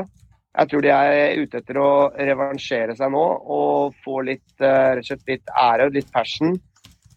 Eh, Glimt må vinne nå. Det er toget i Stavanger, det stopper ikke. De er nødt til å holde de bak seg. Eh, De leder fortsatt med målforskjell. Det blir en knalltøff kamp som kan ende begge veier, tror jeg. De vil nok også revansjere Glimt, mye av det som skjedde mot HamKam sist. Og, og vise at de, de, de satser all in på, på ligaen og skal være på stø kurs mot eh, et nytt ligagull. Så det er noe med når, når Glimt får litt kniven på strupen, det er da skjerper de seg litt òg. Eh, hvis vi går tilbake de siste par åra, da, da tar de seg sammen og, og, og virkelig gønner på. Så det spent etter landslagspausen, altså. Det er jo en klassiker, Rosenborg-Glimt. Ja, ja, ja. Ja, Eh, det er Nei, jeg er ikke helt Det enig. blitt det. Det, det, ja, ja, men, ja, men. Ja, eh, det, men det er noe annet. Men for meg, eh, det, det er litt annerledes. Altså, eh, som Rosenborg-supporter så ser ikke jeg på Bodø-Glimt som, en, eh, som, som en klassiker. Jeg skjønner det er et Ja, bedre det tror jeg mange gjør. Ja, jeg er litt usikker på det. Fordi at det. jeg tror at Brann, Enga, LSK, de kampene der, er mer litt klassikere. Og Vålerenga-Lillestrøm er en klassiker. Altså, det er litt sånne ting. Men å møte Viking eller Bodø-Glimt, Molde er en klassiker, enig. Det, Ja, det, alt kan ikke være en klassiker. I de siste, ja, nei, men i de siste årene Det er gjevt å vinne den. Sånn, sånn hat eh, mellom Ja fanskarene. Ja. Men det er vel en sånn, annen ting eh, enn en klassiker? Nei, altså hatoppgjør, klassiker, det for meg kan være litt av samme, samme greia. Ja. Eh, og, og jeg okay. tror at uh, det kommer til å bli mye Bodø-fans der også. Det er ikke så fryktelig langt unna. Og sikkert en del Bodø Det er jo tross alt noen timer. som, Altså, herregud. som bor i Trondheim òg. Ja, det er det. Hvor mye nordlendinger overalt. Da. Fle- flest nordlendinger utafor Bodø og utafor nord, for å si det sånn. Litt humor i Gåstein. Så, så jeg tror at dette her blir en uh, skikkelig severdig kamp. Mm. Uh, jeg håper at uh, Selnes eh, starter. Det er gøy å se. Eh, litt sånn duell med Patrick Berg på midten der. Den gleder jeg meg til å se. Hvis Jeg tror ikke han holder 90. Nei, det gjør det ikke. Nei, han er ikke der ennå. Men det er visst snakk om at han skal bli kasta rett inn. Det virker, det virker som det er muligheter for det. Vi får se. Vi får se. Det er uh, spennende å se. Jeg, jeg, jeg tror den kampen her kan uh, bli litt av en rysere, ja. Det er litt som Jeg håper Rosenborg holder stand, da. Det vil si at de møter litt opp og ikke gå går på den samme begredelige delen som de gjorde bortom Tromsø. At de faktisk, når de byr opp til litt dans og fest på, på, eh, på Lerkendal og? La oss si det blir La oss si vi er heldige å få 20 000 på Lerkendal, da. Kanskje vi selger ut òg, hvem veit. Det har vært stilig. Så tenker jeg litt med eh, 21 490, eller hva Lerkendal har estimert. Ikke arrester meg på det, men det er rundt der et sted. Så tenker jeg litt med meg selv at det, eh, det har vært stilig hvis vi hadde klart å solgt den ut. Eh, Jeg var på Bodø-Glimt-Rosenborg i fjor. Det var en fantastisk fotballkamp. Det var en av årets høydepunkter eh, i fjor, eh, med Tengstedt og Holse-skåringa på bakre der. Han eh, vippa unna Wembangomo, som så ut som en kjeks på, på vingen der, eh, Tengstedten. Så det husker jeg veldig godt. og eh, det har vært gøy hvis det hadde blitt en gjenspillkamp. Og sagt, det er mulig å gi Vikingen hjelpende hånd her òg, vet du. Ja, det har vært noen syke oppgjør mellom de lagene de siste åra. Altså. Ja, det har det. det har det. Men Rosenborg har også blitt tatt med buksen nede i noen av de oppgjørene der. har Bodø-Glimt har vært ganske Ja. dominerende. Men husk på, i så mange av de kampene har Bodø-Glimt vært favoritter. Rosenborg vant den i fjor, og så hadde vi en kamp i fjor også. Vi tok jo fire av seks poeng på Bodø-Glimt i fjor. Da husker jeg eh, Børkeid skåra to mål med det nydelige skuddet sitt. Etter det så skåra han ikke noe mer, men det var det første serien da Rosenborg var ganske på. Så Rosenborg, Rosenborg skjerper seg litt mentalt i de matchene mer, han. Så eh, du må eh, Glimt, altså tannbørstegjengen, kommer ikke til å få det lett på Lerkendal. Det er ikke bare å møte opp og bare lirke inn 1-4. Jeg tror ikke det kommer til å skje. Nei, jeg, jeg på mange måter litt enig med deg. for det, Historisk sett man har fått litt kampglimt, men også er det det at du skal aldri undervurdere energi. Ja, det har mye å si. Eh, hjemvendt sønn, senes, stesønn, blir i seter. Eh, Nye guttungen Nypan. energien- Nye guttungen. guttungen Nypan. Ikke sant? Du skal ikke undervurdere den energien der som kommer nettopp som grunnlag av det. Det ville aldri vært fullsatt hvis de ikke hadde hatt de tre der nå. Per Nei. nå, mener jeg. Det hadde ikke. Nelson er tilbake òg. Det ryktes at Nelson også er eh, Ikke sant? Og jeg har en sånn derre ah, Skal jeg si for det? Jeg har en sånn derre våt drøm, kall det hva du vil, om bare se eh, Selnesen slå igjennom med en sånn curlpasning i bakrommet, perfekt vekta i det deilige, våte duggresset. Så ser du Jaden Nelson tar dem imot på én touch, én til høyre, og så fiker han bort i hjørnet. Jeg bare har en sånn drøm. Bare, la meg se det. La meg se det, liksom. At det hadde vært så deilig. Ja, det skjønner jeg. Det, det, man, må Det er så lenge siden. Seg, man må jo glede seg av de små gleder i løpet av en sånn eh, 30-sesong, så det, det er noe med det. Ja, det er noe med det. Molde Old karer. Kan det være bananskall? Kan det være litt ekkel, eh, Meran? Er det mulig at Molde kan gå på en li- en lita, lita blemme der? Eller er for Odd er litt sånn du veit aldri med de, eller er det bare ønsketenkning og at smurfene skal få gjennomgå i mitt hode? Nei, jeg, jeg skjønner hvorfor du går dit. Jeg gjør egentlig det. Jeg skjønner det. Uh, samtidig som nå, jeg tror den landslagspausen kom veldig beleilig for Molde. Uh, jeg tror de er på, jeg, da. Jeg tror de virkelig er på fra start. Samtidig som at eh, Odd kommer fra en seier, dem òg. Men jeg tror Molde tar den rent oppskriftsmessig hjemme på Røkkeløkka. Mm, okay. det. Jeg føler meg også ganske sikker på at Molde vinner, Mm. eh, og at de, de, de må vinne. Skal de ha sjanse på uh, noe medalje. For å henge med i det hele Eh, tatt. For å henge med der. Eh, jeg tror at Veton Berisha skårer igjen. Det tror jeg. Og eh, så blir det spennende å se da, om eh, Fredrik Gulbrandsen kommer på banen. Om vi får se han gjøre comeback. Nå har det vært en liten pause. Nå vil jeg Er han der nå allerede? Ja, Ja, ja. ja, men er han der? Han, han, er, han er spilleklar òg. Han er spilleklar, ja. Ja. ja, ja. Ja, ja. Eh, så han, eh, om han får til byen, det blir jo spennende spenningsmoment. Mm. Eh, og hvordan de løser den rollen med mannsverk. uh, og det er nok sikkert Martin Ellingsen, tror jeg, som eh, er, er, er tanken inn der, da. Det tror jeg faktisk. At det er sånn de løser det. Så henta de jo han amerikaneren fra Brøndby. eh, han tror jeg ikke helt er klar for å starte. Det tror jeg blir mer backup. Ja.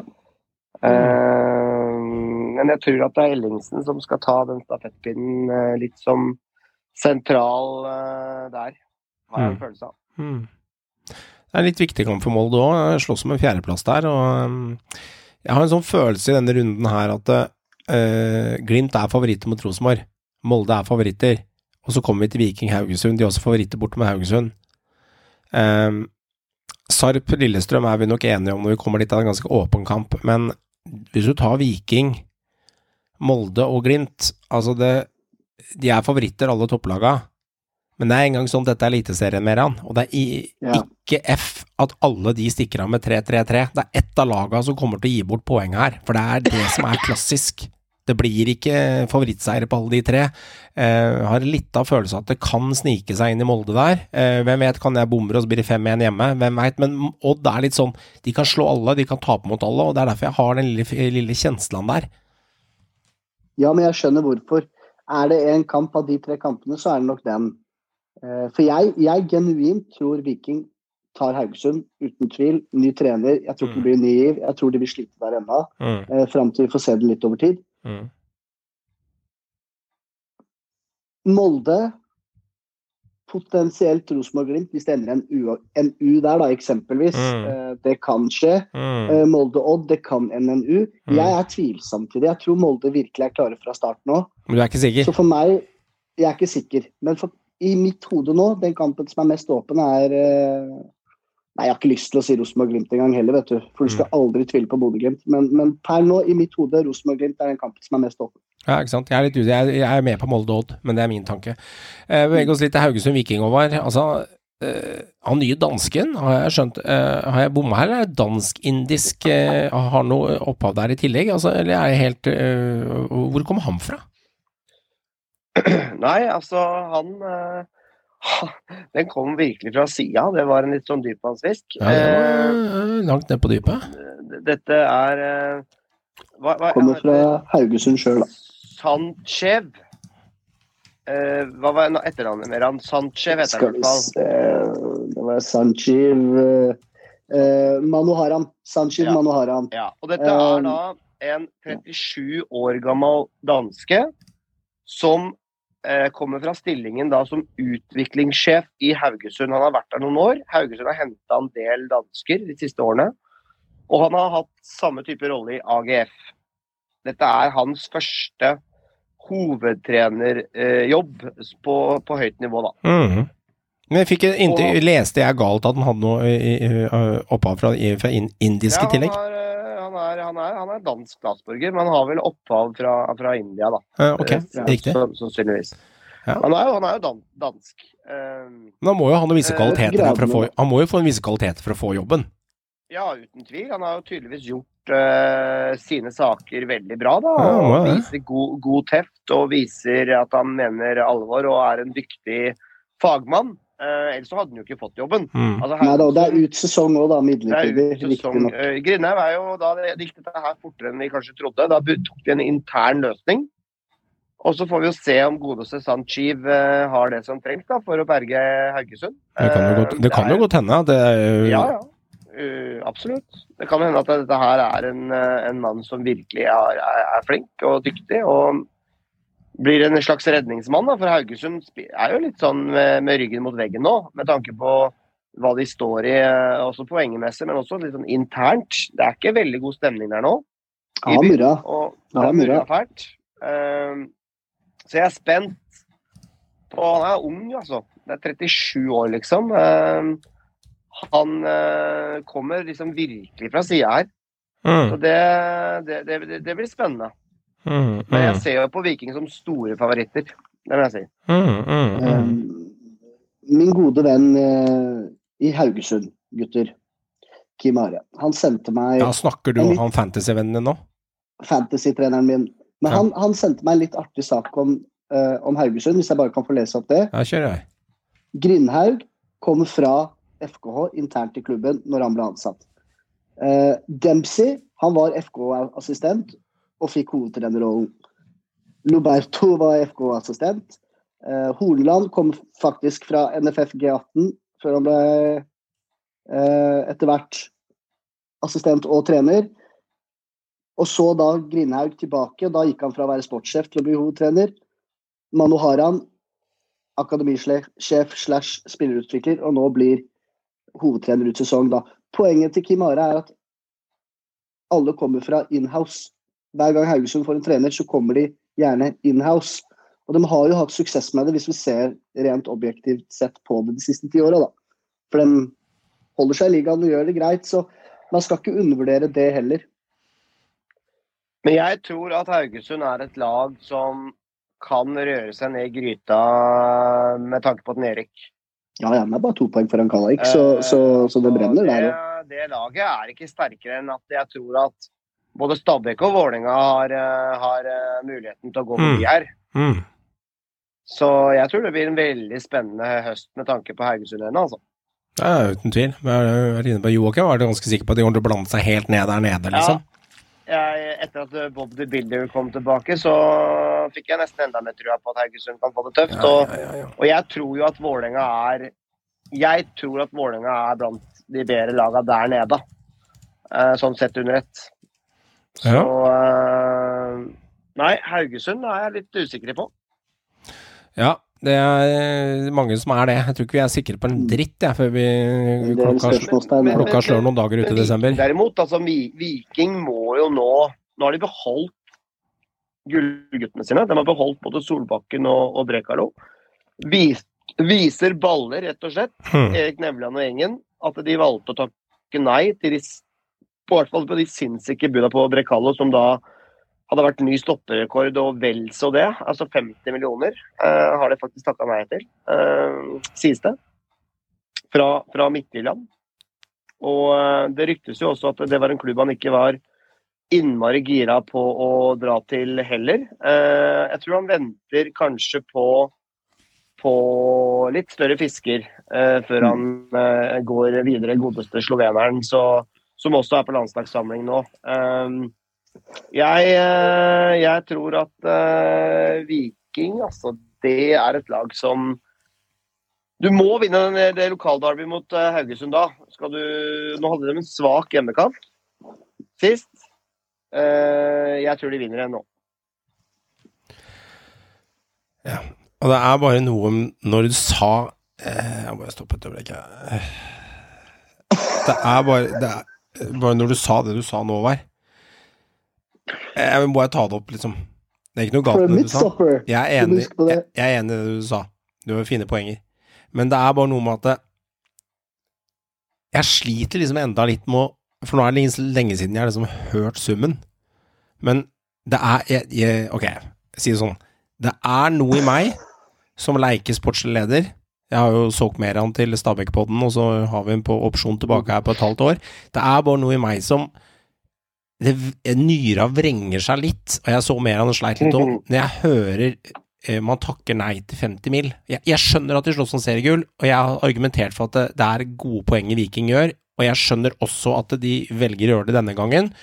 Eh, men vi starter hos deg, Meran. Det, det, det, er, bare et eller annet som Jeg får sånn klikk i huet når jeg hører liksom 50 mil. Altså, det, er ikke 17, skjønner jeg mener? Det er noe som, det, det er noe som bare sånn Det er noe ufornuftig her, enda som jeg ikke klarer å slippe helt. Men er det bare meg? Nei, men jeg, jeg skjønner hvor du kommer fra. Jeg, du må tenke på hvor jeg kommer fra. òg, Da. Ja. Jeg kommer fra som å være en Stabæk-supporter. Altså, jeg bare ser for meg Peder Madsen, han gærne amerikaneren vi hadde. Ja. Jeg kan bare se for meg å si 50 millioner for midtstopper! Ja. Altså, det er ikke noe å lure på engang. Ja, jeg. jeg skjønner Viking. da. Det er en Jeg skjønner prekær Viking også, situasjon. men- Det er en prekær setting Jeg, ikke sant? jeg, jeg syns det viser karakter, da. Enig? Og, og det som er De gikk på den blemma i fjor. Enig? Eh, vi virkelig De solgte spillere nesten på billigsalg. Enig? Eh, nå velger å stå i det. Enig. Eh, og jeg tror også at etter sesong, hvis de potensielt tar et seriegull, Ja. Så har du muligheten for å få de summene, verdt det, da. Ja. summene igjen. Enig, enig. Men vi er enige at vi har kommet dit i norsk fotball i 2023. Uavhengig av hva jeg eller eh, Pål eller Espen Askeladd mener, eller hva Håvard eller eh, Nils eller Tom Nordli mener. Drit i hva folk mener. Men vi har kommet dit at vi sier nei til å selge spillere til 50 millioner, som er Eliteseriens top notch-spiller. Da har vi kommet et stykke på vei, men det er fortsatt noe jeg, Vi som har fulgt med siden 92 år, i en mannsalder snart, vi har professor i synsing. Det høres jo ganske sinnssykt ut når, når du virkelig smaker på summen. Ja, det, det er voksent. Det er lov å innrømme. Er du gal? Ja, ja, ja. Det, er sånn at det er 50 millioner. Ja, jeg får litt sånn Men de, men de også, også, også oppå dette her, gutter, så har de henta tilbake Joe Bell og Samuel Albenro. Ja, ikke sant? Men da snakker vi vekslepenger igjen i den samme ikke sant? I, Jo, jo, men, men de, har- de har henta disse gutta tilbake. Og Det har de. de De har styrka seg virkelig. Det er litt lønn og litt styr og sånn. Jeg ser De, den. de på, ja, ja, for faen. Jeg måtte bare nevne det. Jeg kjente bare at det Altså, liksom Joe- mm, Den kom Joe opp her. Bell kommer, Joe Bell kom jo for en eh, ti millioner. Ja da, han gjorde det. Han gjorde det. Han gjorde det. Ja, det er Så, ikke billig, det. så, så, nei, nei, nei, det er ikke småpenger. Så, så poenget er at Viking har gjort alt i sin makt enig. For å være konkurransedyktig. De skal i hvert fall ikke bli slakta på, slakta, på, eh, slakta på kniven, som jeg sa for noen episoder siden. Det er fint uttrykket. De skal i hvert fall ikke tatt med buksen nede for at de ikke har satsa sportslig for å gi Stavanger-folket og, ol og oljefolket det beste forutsetning for å ta, prøve å ta til gullet. Det kan vi ikke ta oss på. choke, choker de nå, så er det ikke pga. sportslig leder Erik Nevland. Det kan du si. Eh, Ikke sant? Det er godt poeng. Da kommer det av andre ting. Så kommer en av de mest åpne kampene denne runden her, Håvard. Sarp LSK. Altså, altså Hvem vinner den, da? Nei, for meg LSK Det har ikke vært det samme etter at Akkor dro, altså. Eh, den herlige mannen som har eh, virkelig starta bra i League Æ for Faen, jeg elsket den Petron-episoden med han, altså. Han Herlig Herlig Ja, det var nydelig. Ah, Eh, de har ikke klart å erstatte han. LSK, for meg så blir det litt sånn mellomsesong. Eh, litt sånn midt på tabellen-opplegg. Jeg tror eh, For meg er Sarp favoritter i den kampen. Jeg syns at de var Har hatt noen gode kamper igjen nå. Mm. Eh, jeg syns de har fått en liten opptur igjen. Jeg har lyst til å se mer av han Henrik Meister Beister på topp der. ja, det er jo Eh, Maskin. han, han, han likte jeg. Eh, LSK har fått inn noen nye spillere siste tiden på, på slutten av vinduet med, med Thompson og, og Elkjær og, og, og litt forskjellig. Eh, men jeg, jeg tror dessverre det blir litt sånn, litt sånn bob-bob høst for LSK. Kommer til å vinne litt, kommer til å tape litt. Men jeg tror at mot Sarp nå, så tror jeg de eh, Jeg tror det er størst sjanse for at Sarp vinner. mm. Ja, jeg lener meg veldig på den, eh, Håvard. Jeg, jeg tror eh, Jeg veit ikke hvorfor jeg sitter med fornemmelsen av at uh, Sarpsborg tar ikke bare en knepen seier, jeg tror Sarpsborg tar den egentlig ganske klart og med god margin. Jeg tror Sarpsborg kommer til å klå Lillestrøm. Jeg.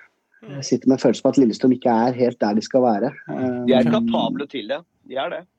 Mm, mm. Mm. Jeg er litt i tvil om den der. Altså. Jeg tror Sarpsborg kommer til å ta Lillestrøm. Eller er det ei felle?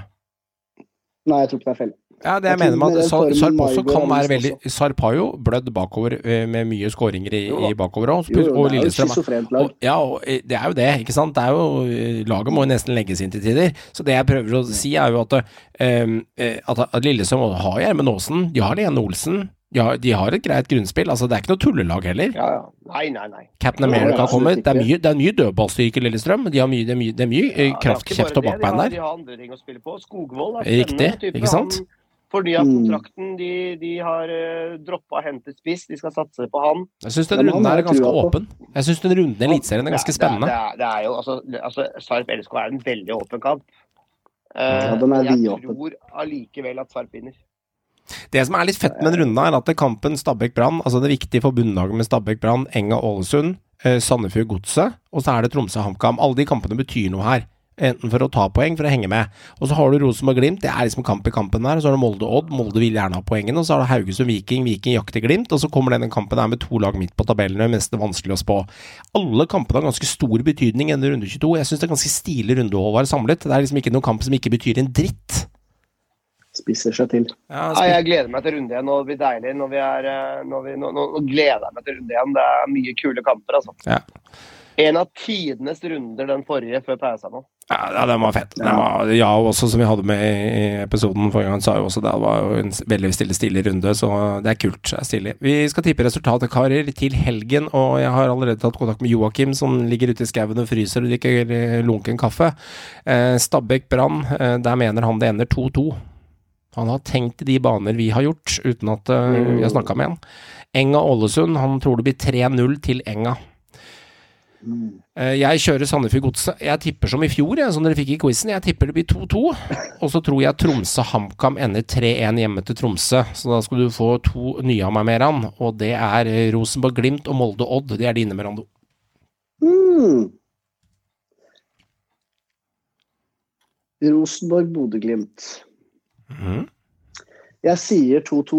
Du sier 2-2, ja. Den er lov, den. Og så er det Molde Molde-Odd 2-1 til Molde. mottatt. Håvard, Haugesund Viking og Sarp LSK. Er det ikke på SR Bank? Det er Haugesund. Nei, det Det er er Haugesund. Uh, jeg tror eh, Viking vinner uh, 2-1.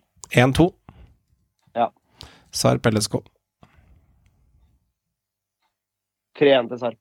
3-1 hjemme til Sarp, ja. Yes. Den er fin. Og i konkurransen her samlet på disse tingene, så leder jo vi ser Håvard har 20 poeng, og Meran har 21. Så det er veldig jevnt mellom dere. I å tipper resultatene til slutt, så det blir jevne.